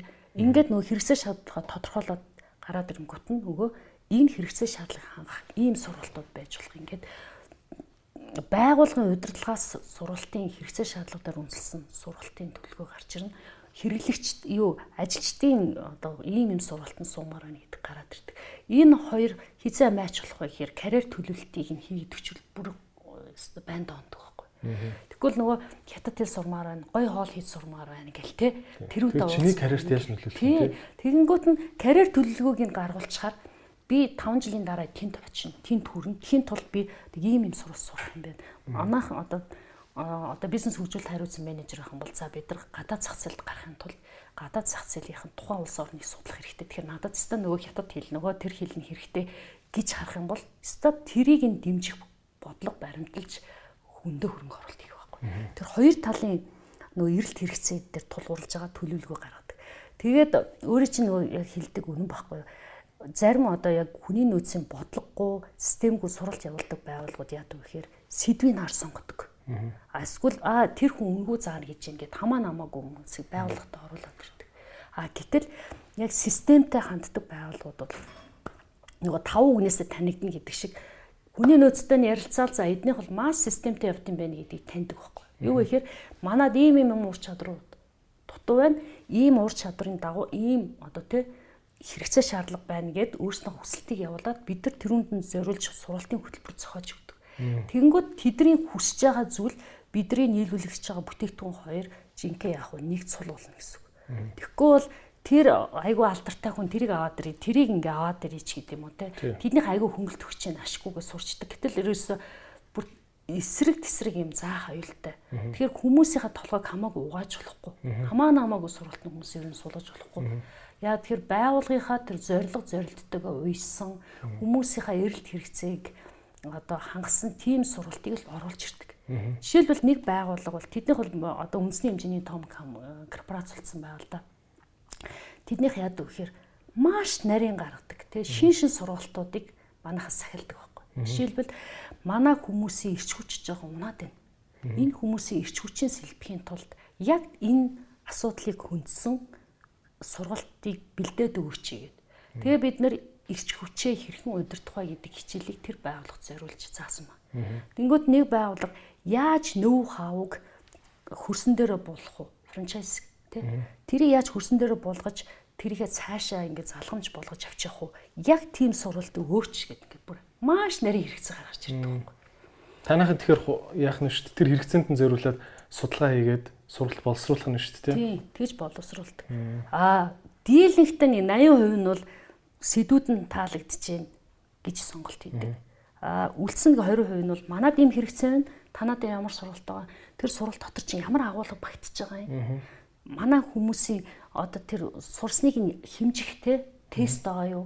Эргэх холбоо байгаа юу гэх бүр ингээд хүний нөөц нь ажилтгүй байгуулга нь хэрвээ гэдэг нь бол тэр сургалтын хэрэгцээ шаардлагыг асууж байгаагаас нь шууд харагдчихдаг байхгүй. За эднийх ийм төвшөнд явж байгаа юм байна да гэд. Тэгээд тэр 80% бид нар тэр сургалтын үр дүнг нэмэгдүүлэхийн тулд та нар нэг ийм манай энэ судалгааг бүгэлчхөө. Ямар асуудал байна? Тэр асуудлыг чи мэдчихэж аваад бид нар та нарт хэрэгтэй сургалтыг чинь санал болгоё. Тэгээд тэр хүмүүсийн нөгөө тэр мөнгийн үр ашигтай өнгөрүүл одоо зарцуулахад нь туслах гэдэг байгаа байхгүй. Тэгжээч нөгөө суралт үр дүнтэй болно. А SEO өнөр бол ингэдэг байхгүй юу? хүний нөөц яг энэ SEO-гийн төвшөнд ингэж яг бизнес түн шиг ингэж сэтгэж сурмаар байгаа. Тэгвэл хүний нөөц бол тэр сургалт хэрэгтэй, энэ сургалт хэрэгтэй. Энэ асуудлыг ингэж шийдийгээ дандаа нөгөө голынхаа нэг талд гараад идэх байхгүй. Тэгээ хүмүүс нөгөө бизнесээ том зургаар нь хардггүйгээс болоод хүний нөөцийн менежер бол хүлэн шүрэгддэггүй. Нөгөө төсвийг баталдаггүй байхгүй. А мундаг хүний нөөцийн менежер захирлууд Тэд нар бол яг бизнесийг утгаар нь харж чаддаг. Захиршгэ бодож чинь тийм. SEO-г ойлгодог. SEO-гийн тэр стратеги төлөвөг хэрэгжүүлэхэд хүний нөөцийн бодлого тэр суралт хөгжлөө аягүй сайн нийцүүлж чаддаг. Тэгээд эрэнгүүт чинь энэ сургалтыг ингээ өгчих юм бол ингэж бүтээмж нөлөөлөх гэдэг байна. Ингээ борлуулалтын арга хүн болгон борлуулагч те одоо болохын тулд ингээд инженерүүдээ борлуулалтын сургалтын суулгах чинь эдгээр юмаа мэддэг юм чи аягүй сайн борлуулж чадна. Ингэх юм бол манай борлуулалтыг 20% нэмэх гээд байна Тэгвэл CEO зөвшөөрөхгүй хайчих уу? Тэгэхээр яг хэрэгцээ шаардлагыг нь аюулсан онилж чадаад хүний нөөцийн менежер нь CEO-гийн тэр санаа зовнил CEO-гийн бодож сэтгэж байгаа зүйлийг ойлгоод эхлэхээр хүний нөөцөө хүлэн шөөрн төсвийг баталж өгнө. Тэгээ яг хамтдаа хөгжиж томрох байхгүй. Ойлгомжтой. За тэгээд ганд доллар хичээс зөндөө олон гоё ноу хавнууд сурч авлаа тий.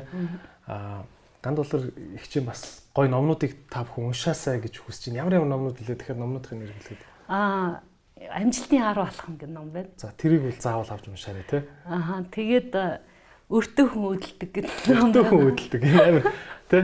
Сонирхолтой нэр. Гэхдээ ер нь бол тийм шүү дээ. Ер нь ер нь ер нь хүн үр үр зээл авч ижил өөрийнхөө ингэж удаан амжуулах үеийн ажлыг хурдан амжуул цаг очдөг үстэй тий. Хүмүүс айгүй эсэргүүцдэг. Эсэргүүцээд ингээд унсан хойноо за одоо бол санаа гэж ойлголоо гэдэг байхгүй. Тэр хэрэглэн зориулж зээл авах биш. Эргээд үр өгөж өгөх тэр зүйлд та зээл авч чадах юм бол тэр чин утгаараа өгөж болж одоо зөв хөрөнгө оруулалт болно гэдэг мессежийг өгдөө. За гурав дахь ном нь тэр нөө англи хэл сурах аргачлал гэдэг. Тэг хилний авьяасгүй гэдэг өөрийгөө боддог байсан байхгүй юу? Тэгсэн чи хилний авьяасгүйдээ биш хэл сурах аргаа мэддэггүй байсан юм билээ. Тэгээд тэр хилний авьяасгүй хүн хэл сурч болдгиймаа гэдэг. Өөрийнхөө гашуун төгөөр тэ шинэ гаргасан тэр ном бол нөгөө шилдэг борлуулагчийн арга биелийн 10 хаан гэдэг. Тэгээ яг өрн дорны тэр борлуулагчдын тэр шилдэг борлуулагчдын ур чадварын тэр зүү тогтлыг олж хараад тэгээд арга биелийн зүү тогтол дээр одоо суйрлаж бичсэн ном байна. За тэгээд энэ номнуудыг та бүхэн авч уншаарай гэж хүсэж байна. Тэгээд ганд болохоор хичээс бол маш их одоо зөвлөлөө левел зөвлөлөө ахаар их олон юм байдаг те. Тэгээд ярьцлагынхаа төгсгөлд таныг нэг ийм зөвлөгөө өгөөч гэж хүсэж байна. Аа нэвтрүүлгийн маань үзэж байгаа юунууд одоо ажил хийж үзээгөө.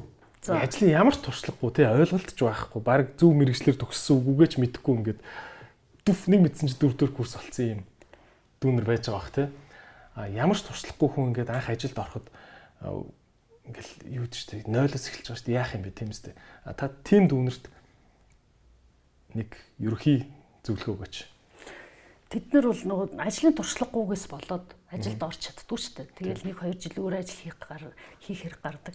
Тэр яг оюутан байж хугацаанд янз янзын дадлага ажил хиймээр байгаа байхгүй. Дадлага ажил гэдэг бол өстой гайхамшигт туршлага бүтээх түүх. Дадлага ажил чи яг л ажлын туршлагатай ялгаагүй цалин авахгүй л байгаа болохоос биш. А нэлээ стратегч алсын хараатай тийм залуучууд бол биш дээ. Яг мэрэгчлэлтийгээ одоо ижилхэн ирээдүйд энэ мэрэгчлэр би ажиллах юм чинь гэдэг тэр байгууллага салбараа сонгоод санал тавих хэрэгтэй. Би ингээд сайн дураар ажиллая. Би ингэж ингэж те өөрийнхөө ур чадрыг хөгжүүлмээр байна. Надад боломж олгооч. Ер ихэнх байгууллагууд бол юм сайн дурын ажилтнад их дуртай байдаг. Харамсалтай нь санал болохгүй шүү дээ. Тэр нь өөрт нь ямар ашигтай вэ гэхээр одоо ингээд санхүүгийн менежментээр сурж байгаа хүн бол нэг байгууллагад ороод би туслах санхүүгийн ажилтан болъё. Тэгээ санхүүгийн шинжилгээ ихт чинь туслая гэвэл ямар оо захирал өгөх юм бэ. Тэгээд нөгөө хүн чинь ингээд сайн дураараа дадлага ажил хийж хагаад тэгээ яванда тэр хүн чинь ингээд ажлаа сэтгэлтэй ингээ хийгээд ирэхээр тэр оюутан санал тавьдаг л байхгүй юу. Жишээл манай байгууллагт ч гэсэн тийм хоёрдугаар курсээсээ манай байгууллагт би өстө нэр юу ч хийхэд бэлэн байна. Би сурч хөгжмөр байна гэж яагаад хоёрдугаар курсээсээ ажиллаад сургуулаа төгсөнгүүд бид нар ингээд ажлын санал тавиад тэгээ одоо манай байгууллагт бас менежерийн ажил хийж байгаа юм байна. Тэгээ ер нь бол тийм боломжийг ашиглаад яг мэрэгчлэрээ ажиллах тэр боломжтой бол тийм ээ мэрэгчлэрээ ажиллах боломжтой тийм газар өөрөө сэтгэл гаргаж санал тавиад үнгүүч гэсэн хамаагүй цалингүүч гэсэн хамаагүй санал тавих хэрэгтэй. Дараа нь сэвэн дээр айгүй сайхан бичих юмтай байгаа байхгүй. Яг ингэж нөгөө оюутан цаг хугацаагаа одоо дадлага ажиллаараа дамжуулаад интерн гэж ярьдаг ш тий. Дадлага ажилтныхаа тэр боломжийг ашиглаад туршлага хөрөнгөлүүлчих юм бол ямар ч дадлага ажил хийгээгүй нөхдөөс л илүү оноо авах байхгүй. Тийм тий. Тэр бол айгүй том очгоо. Тэгээ дээрэс нь зуны амралтаараа бас тэрийг одоо яг хуу үнэхээр мөнгө төгрөх хэрэгтэй болоод ресторан эдэр зөөгч хийдэн штэ. Тэр чинь бас туршлага байхгүй. Би хүнтэй харьцаж сурсан, би хүнд хүлээцтэй хандаж сурсан тий одоо хүнд үйлчлэн хийдэг бол их том соёл юм байна гэдгийг би сурсан гэдэг ярьж ах тийм туршлага хэрэгтэй байхгүй. Тэрийг ингээл бас нөгөө яг зуны ажиллаар би юм хийжсэн тийм хийжсэн гэж сэвэн дээр аягүй сайн бичээрэй. Тэр бол ерөөсөө аягүй том туршлага гэл улаарчих хэрэгтэй тэрийг олж харна. Тэгээд ажил олгогч нар ч гэсэн энэ хүн бол зүгээр суугаагүй юм байна. Үр бүтээлтэй өнгөрөөсөн юм байна гэж хайр үрдэг байхгүй. Тийм шүү дээ. Тэгэл тэгээд ихэнх захирлууд ч угаасаа өөрөө дандаа тийм түүхтэй байдаг тий. Өө ахын ч гэсэн зөвхч хийжсэн ийдсэн. Өөр хүн зүтгэлтэй юм бэ. За яг нэг нэг нэг ярилцсан үзье гэдэг тий. Боломж олддог үстэй. Үнэхээр боломж олдно. Тэгээд хэрвээ тэр байгууллагадаа ингээ хүлээн зөвшөөрөх юм бол шууд яг урилга авна шүү дээ. Би бол хоёр тийм хүнийг бол урилга өгөөд манад одоо ажиллаж байгаа байхгүй юу. Бүр ингээд алтан медальтай төгссөн. Тэгээ манад дээр ингээд туслах нэгтэн хийж хагаад бүр ингээд энэ стений гялалцах даймонд байна гэдгийг олоо харчиж байгаа байхгүй. Тэнгүүтээ шууд нэг номер санал тавина шүү дээ. Тийм шүү дээ. Тэгэл тэр хүн чинь шууд туслах ажилтны хийхгүй мэрэгчлэн болоод менежер болоод тэг ирээдүйд нэг хэлц газрыг удирдах захирал болох гэж үүсэхгүй байхгүй. Тийм. За тэгээд ган доллар ихчд маш их баярлалаа. Тэгээд таны цаашдын одоо карьерт нь амжилт хүсье олон компаниудыг дэлхийн компани болгоорой. Аа баярлалаа. Тэгээ би бас нөө юу байна түүгээрээ дайлна гэдэг шиг энэ дэвтэр яах юм? Оо энийг. Тэгээд нөгөө миний өөрийн бас оюуны бүтээл энэ чинь олон улсын юуны шагналлаа оюуны өмчийн шагналыг авсан. Бүтээл шүү. Тэгээ Монгол хүний сэтгэлийн онцлог тохирсон. Монголчууд ч юм ерөнхийдэн сэтгэдэг. Тэгээ гол гол ажлуудаа л буулгадаг болохоос ш. А Б-г бичдэг хүмүүс биш байхгүй. Тэгээ энэ англи монгол хэл дээр гаргасан хаж дэвтрийг бэлгэлээ. Оо за. Тэгээд сток баярлалаа. Хоёр юм. Ажлаа ингэж ерөнхийлэн төлөвлөлтөд дэвтэр юм тий. Тий. Планер гэж шүү дээ төлөвлөгөө. Планер гэдэг. За сток баярлалаа. Аа. За баярлалаа үзэгчтэй.